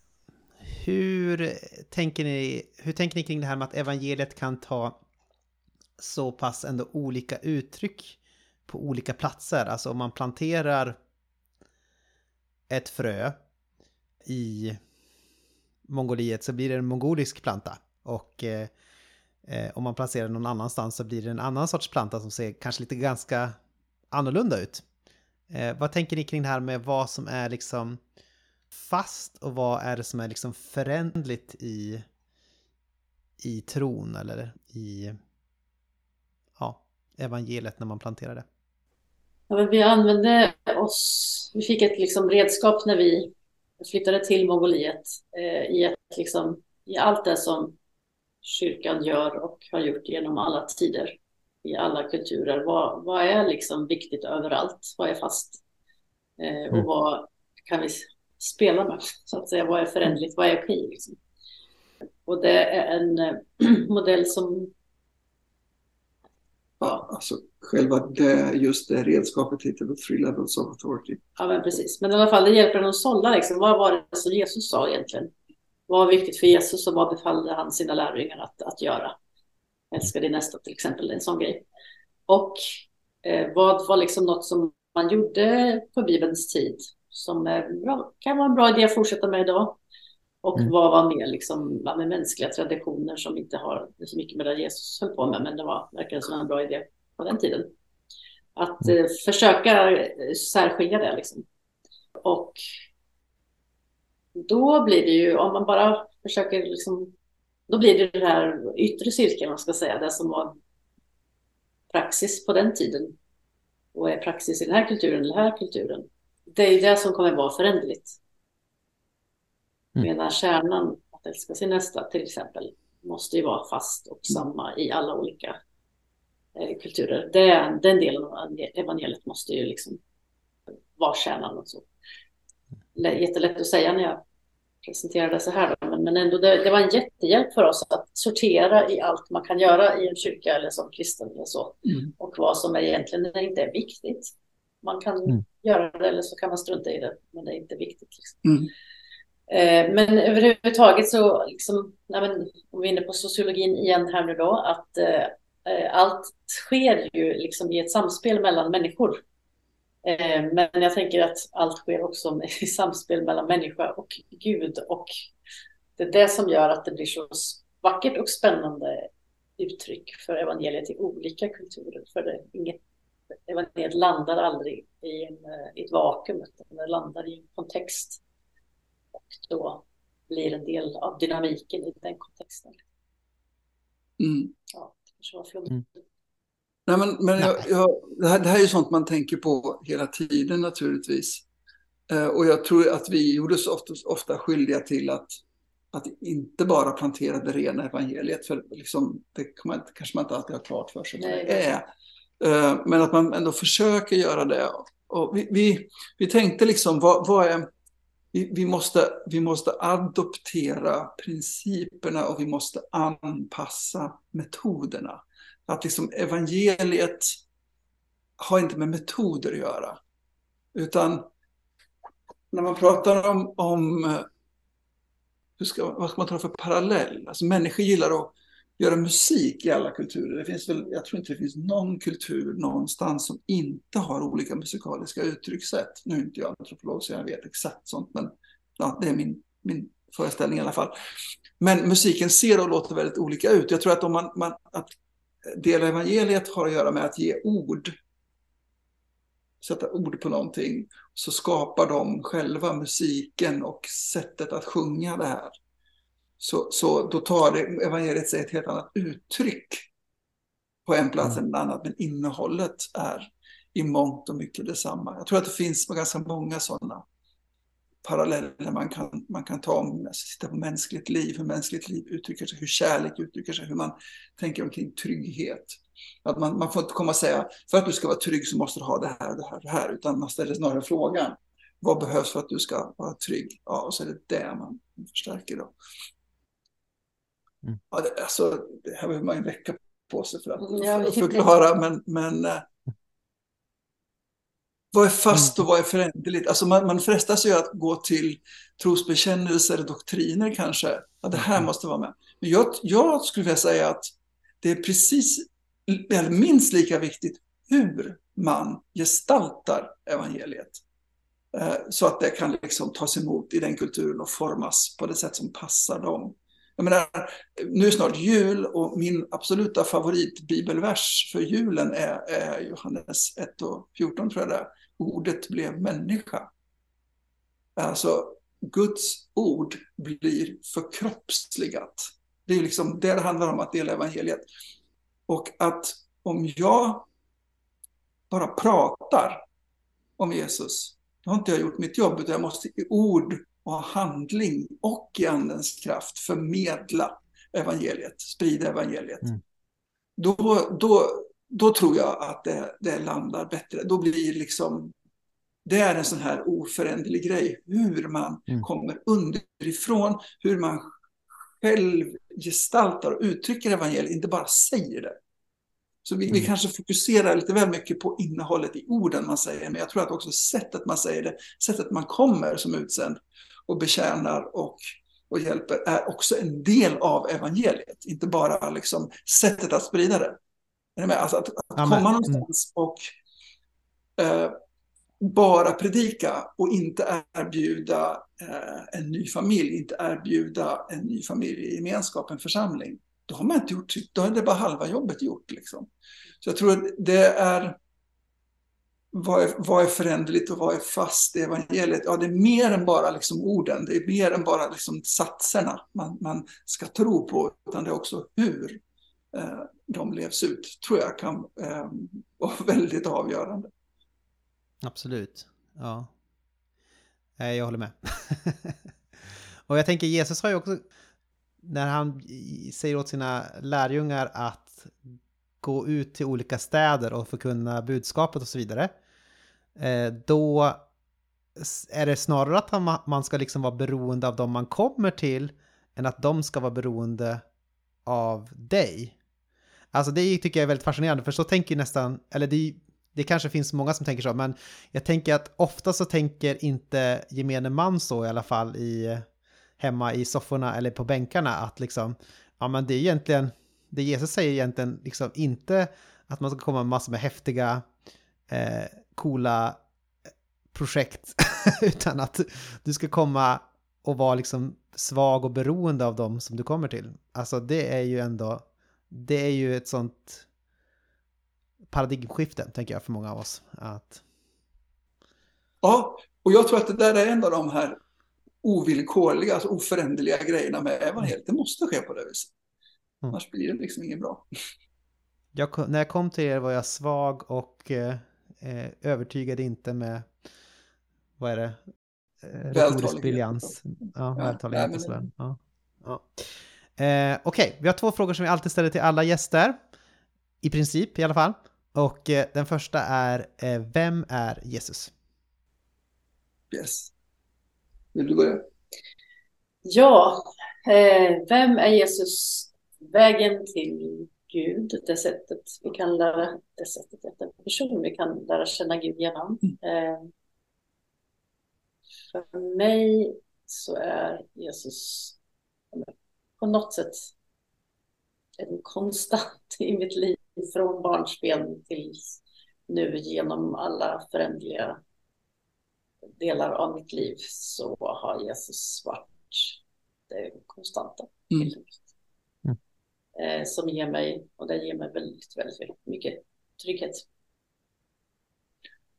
Mm. Vem är Jesus?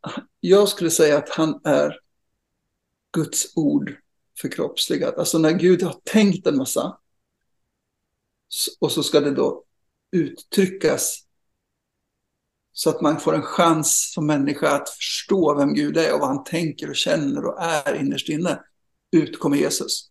Det, det är han genom Jesus så lär vi känna Gud och se vem han är. Eller som vår pastor Fredrik Lignell ofta säger, det finns ingenstans som vi kan se Gud så tydligt som i Jesu ansikte. Mm. Det är Jesus. Mm. Sen tycker jag också att Jesus är överraskande. Eh, att man, eh, trots då att jag är så många år som jag har levt på denna jorden, eh, upplever mig ha liksom vandrat med Jesus majoriteten av de åren, så fortsätter Jesus att överraska och det gör han genom att dels min egen erfarenhet men också andras erfarenhet av Jesus gör, överraskar mig och mm. tycker att wow, det, tänk att det finns mer. Liksom. Han är oförutsägbar. Mm. Mm. Gött. Eh, och till slut då, vem tycker ni att vi borde intervjua i den här podden? Jag tycker ni ska intervjua en eh, en vän till oss som är mongol men har bott i Sverige i, ja, kan det vara 13-15 år. Mm. Eh, talar jättebra svenska och mongolska förstås och andra språk. Engelska. Nej, det spelar ingen roll. Men i alla fall, hon eh, kom hit när hon, hade, hon blev kristen i Mongoliet och fyra månader senare flyttade hon till Sverige av olika skäl och blev kvar här. Och hon mm. eh, jag skulle nog kalla henne en extremt integrerad person mm. som ändå är så tydligt, har så mycket mongol i sig men ändå så otroligt anpassad, eh, anpassning till Sverige och förstår Sverige och älskar Sverige. Mm. Eh, och har en sån fascination av Jesus liksom, och erfarenhet med honom som är väldigt spetsam. Mm. Så det här att förstå vem Jesus eller känna Jesus i en svensk kontext. Det var ju här hon fick liksom mm. lärjungar tränas och ja. lära känna Gud. Ja, men eh, fascinerande. Hon heter? Jaha, jag har inte sagt det. Förlåt. Nej. Hon heter Narra Bäckström. Hon bor i Stockholm. Precis. Nära Bäckström. Precis. Vi kan skicka telefonnummer och e-postadressen. Ja. Eh. Jag vill tipsa om två personer. Ja. Den, ena, den ena är en, en pastor i Mellanöstern. Jag säger inte exakt var, det kan vi ta sen. Han heter Zekai och är en otroligt vis eh, gammal man som har fått betala ett otroligt högt pris för att lära känna Jesus. Och han är som sagt pastor, han har teologisk utbildning och är skärpt på oerhört många sätt. Ett hett tips. Mm. Intervjua pastor Zekai. Eh, och det andra tipset är en eh, mongolisk bibelöversättare som heter Bayer Jargal. Eh, som är, nu leder ett bibelöversättningsprojekt i Mongoliet där man för första gången översätter hela bibeln från grundspråken. Han, han Mm. upplevde ett tilltal från Gud att han skulle sluta med det han höll på med och börja utbilda sig. Så han har läst hebreiska, grekiska, han har doktorerat i det mesta, säga. Och leder nu ett, ett eh, bibelöversättningsarbete. Otroligt skärpt kille. Eh, Mm. som också är väldigt duktig på engelska förstås. Och hebreiska och grekiska och annat. Så ni kan bara liksom Briljera. briljera Aten och Jerusalem bara i förkroppsligad i en mongol. Där har vi det. Mm. Där har vi det. Är han universums herreskolan eller är han Borchanskolan? Han är Borchanskolan. Men han skulle nog, han skulle nog ta, berätta att det finns en del fördelar med uttrycket universums herre också. Men han, är, han själv är, står stadigt I Borchan. Det är, en, det, det, är en av de, det, kan man, ju- det är en av de viktigaste teologiska konflikterna i mongolsk historia, va? Det är Ja, absolut.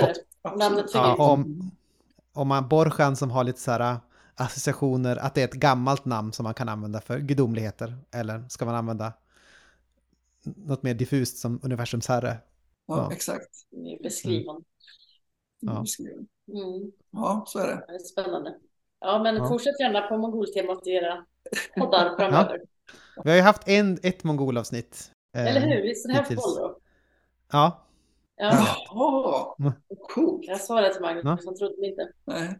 nej, Bolro har vi haft. Men vi har inte, vi funderade ett tag på, eller Viktor föreslog att vi skulle ha med Bayra också någon gång, men det har, det blev inte av, för det, ni hade en sån späckad resa när ni var ute och red hästar och grejer och sådär. Ja.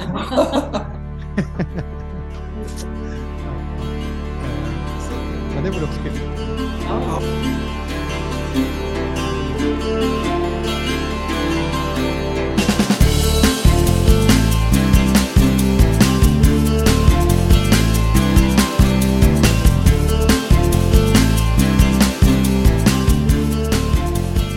Viktor, vad tycker du om dina föräldrar? jag tycker om dem väldigt mycket. Um, säg inte bara det för att jag precis kom därifrån. Nej. Ehm, nej, nej, men eh, det är verkligen. Ja, jag tycker om dem och tycker om det var inget jättekontroversiellt i det här avsnittet, för mig i alla fall. Ehm, och det är ju kanske förklarligt eller förståeligt. Mm.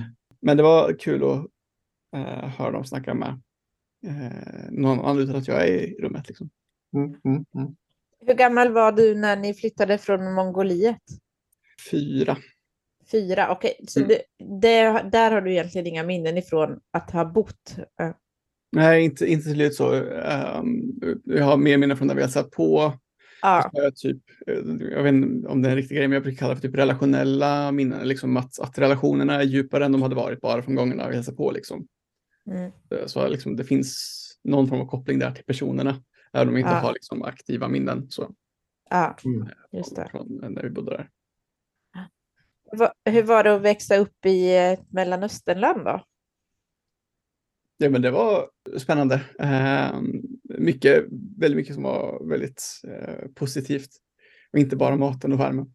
Men eh, också, alltså, präglas väldigt mycket av, eller en stor, ett stort tema var att jag var väldigt annorlunda, stack ut liksom.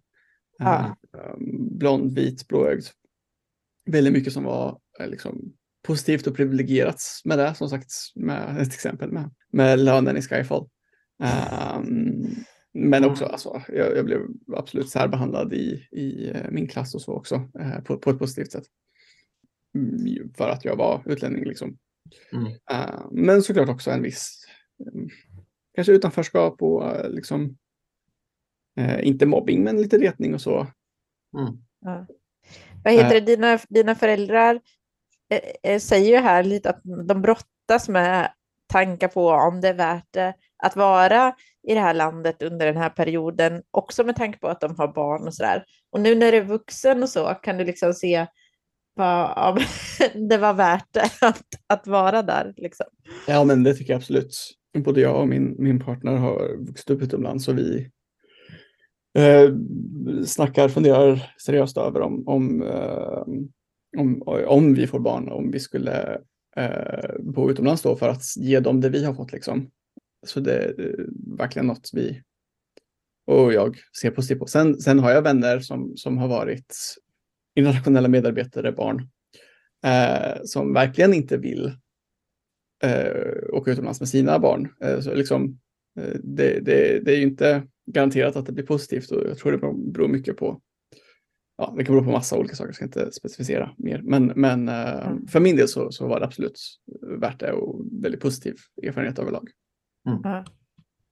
Ja, det är spännande, det är sällan vi har det här perspektivet i podden. Mm. Och, eh, på gästerna. Ja. Mm. Vad tror ni, eh, är det bra att vara teologiskt naiv om man är ute out and about i ett annat land och eh, jobbar lite grann med församlingsgrundande och sånt? Ja, till viss del kanske, eller det beror på hur teologiskt naiv. Alltså jag, jag tror mina föräldrar säger, undersäljer sig själva lite grann i, i deras teologiska kunskap.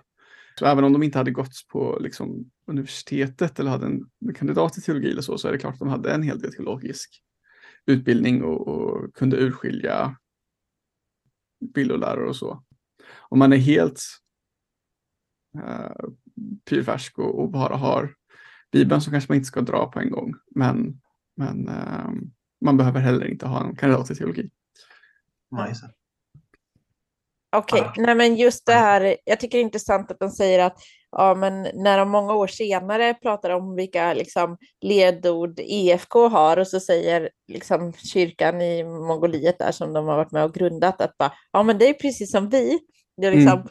Mm. Eh, man har ju ändå på något sätt, eh, man, lägg, man lägger ju en teologisk och kulturell grund, även att man tänker typ så här, ja, men vi ska bara lära om Bibeln typ, eller mm. så. Mm. Eh, att liksom teologin finns ju alltid med där. Eh, så eh, jag tror att det är svårt att vara helt, helt teologiskt naiv. Så. Nej, nej, nej, men absolut. Men jag tänker också att det kan ju finnas, så här, det kan finnas olika sorters eh, teolog. Alltså naiviteten här, fördelen är väl att man, eftersom man inte de i det här fallet inte hade så hög tro, tilltro till liksom tradition och så där, att man då liksom låter församlingen hålla på, liksom. eller vad man ska säga. När man mm. låter liksom mongolerna hålla på och liksom tänka och reflektera och läsa själva, liksom så för att man, och det liksom gör att det blir deras egen grej. Det blir inte liksom det blir inte så här äh, Maria och Magnus grej, eller vad man ska säga. Nej. Äh, men äh, det kan ju också finnas en teologisk naivitet att man typ Eh, jag, har lärt, jag har gått till Hillsong eller vad det nu kan vara och eh, det här är liksom Hillsong är den kristna kyrkan och nu ska jag ut och göra liksom ja. Hillsong utan, utan någon sorts så här. Alltså det kan ju finnas en sån naivitet också att man liksom mm. att man tar för givet ganska mycket att det här är liksom grejen liksom mm. som jag, det som jag kommer ifrån eller det som har skickat ut mig. Det är liksom grejen och jag är liksom naiv inför att det kan finnas andra sätt som kyrkan skulle kunna gestaltas på. Liksom. Ja, för det känns ju som att Magnus och Maria har varit väldigt medvetna om vad de vill mm. föra vidare och inte. Alltså, yes.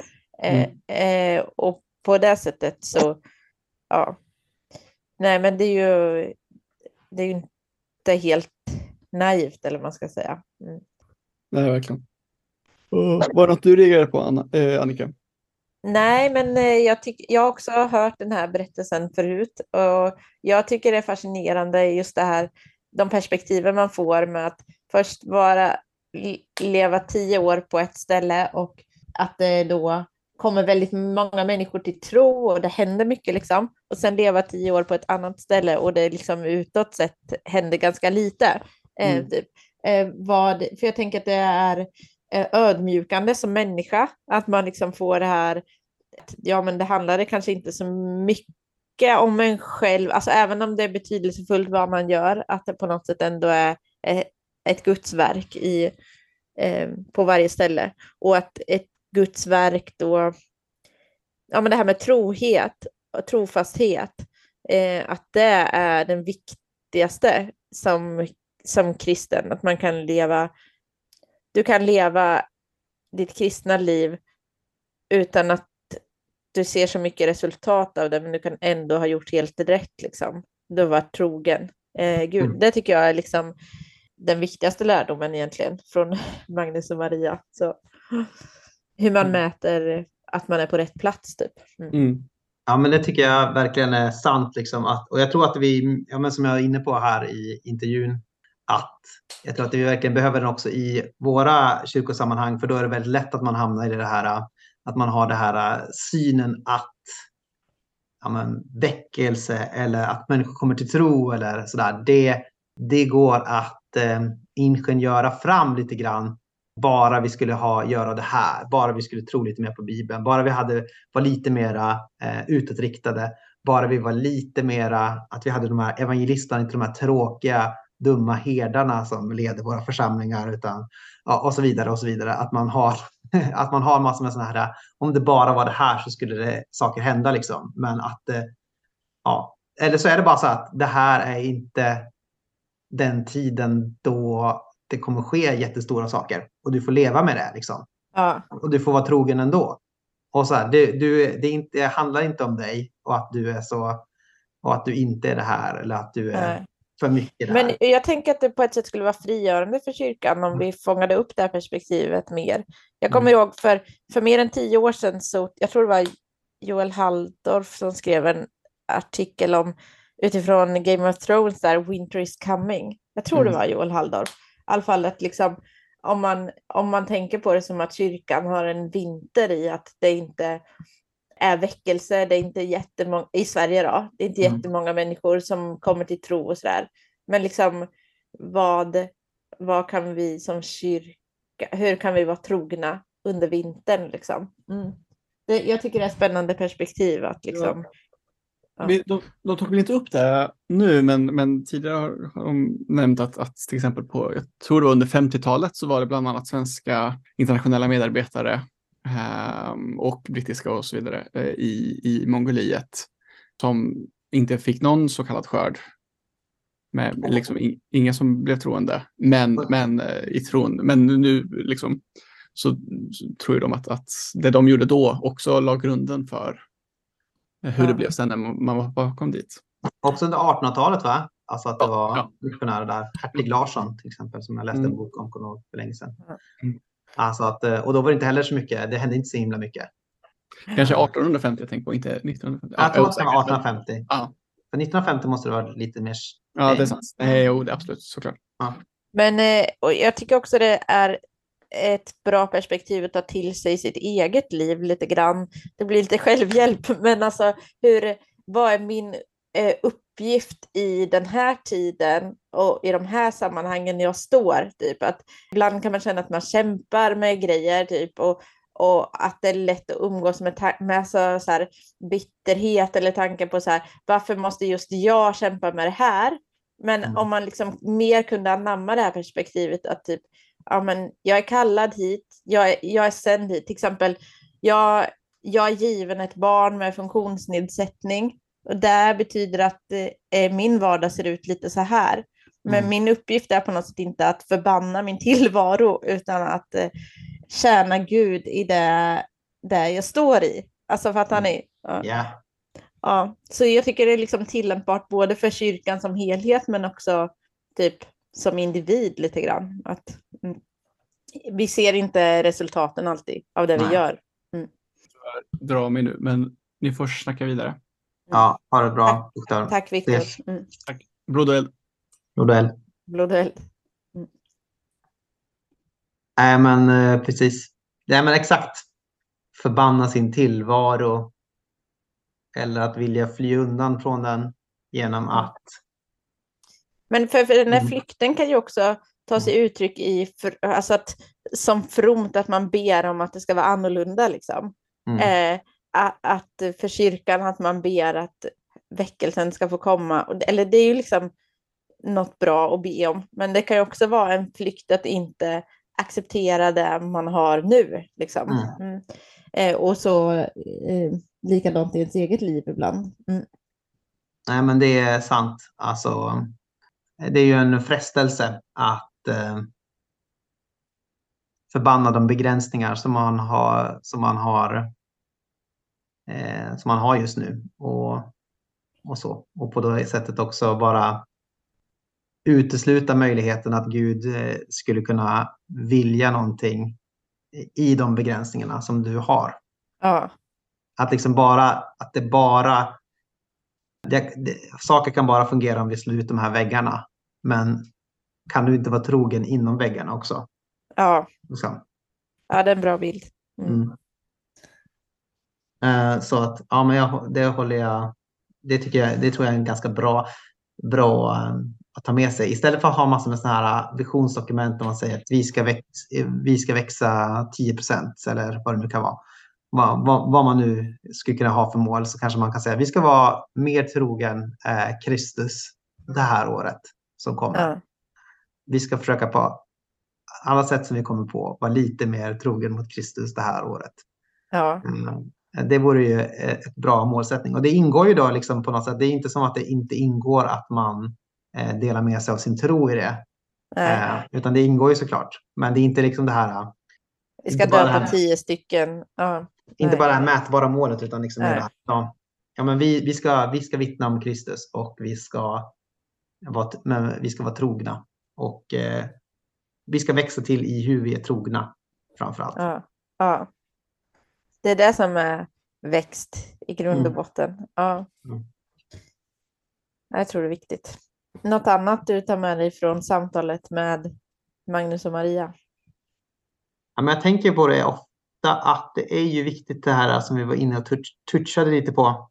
Att eh, för kyrkon får liksom ta sig olika uttryck i olika kulturer där den planteras och så. Det kan, det kan ju finnas, jag tänker att det kan vara en utmaning också för om man är mer traditionalistiskt lagd eller sådär. Att Mm. eh, det är ju helt klart så att kyrkan har eh, genom historien liksom antagit de kulturerna de har kommit till, deras värderingar. Så att det finns en så här romanisering av gudstjänsten, att den har blivit Mm. mer romersk, mera latinsk på ett sätt, antagit liksom de formerna och att det sen skedde en germanisering av gudstjänsterna när eh, det spreds liksom vidare och sådär. Men så blir det som att eh, för vissa traddar att då, ja men det slutar därefter. Sen så får det inte ske några mera några fler anpassningar eller så, utan det ska bara vara romerskt och germanskt. Liksom. Sen så är det klart. Eh, och det tycker jag det är en så konstig, så här, naiv förståelse som man har då på något sätt. Att, alltså att det finns en rikedom i att det antar lite andra former när det liksom kommer till ett nytt ställe. Liksom. Det finns en rikedom i det Ja, som gör att vi också växer, som sänder Ja. ut. Och så. Mm. Nej, men jag håller med. Mm. Och nej, men det är lätt att, vad ska man säga, det är lätt att bara se, se det som kulturella uttryck när det tar sig andra former än de egna. Att man är Ja. lite blind för att eh, det egna sättet som man är kyrka på är kulturellt präglat. Typ. Kul att vi är igång igen. Ja, Eh, ursäkta nu att kör det vi. är så, så långt uppehåll. Att vi har Ja. varit så sega på bollen. ja, Vi var så trötta, vi har fått så mycket barn, vi har mejlat så mycket. Och det, ja, det är bara Ja. varit, jag tror att våra lyssnare ändå har överlevt faktiskt. ja, men de bryr sig inte så mycket. Men det känns bra att vara igång. Ja, Ja, det känns bra. Nu, nästa termin, rättning i leden. då blir det spännande. Nya, nya röster att höra eh, här i podden. Mm. Amen. Stay tuned. Mm. Stay tuned. Och kom ihåg att du kan eh, stötta oss på patreon.com snedstreck Athena Jerusalem. Och att du kan följa oss på Facebook. Och på Japp. Twitter. Kommentera och dela avsnitt och sånt. Mm, Gör, vad du, gör det du vill. det är bra. Frid och Yes, kärlek. frid, blod och eld. Amen.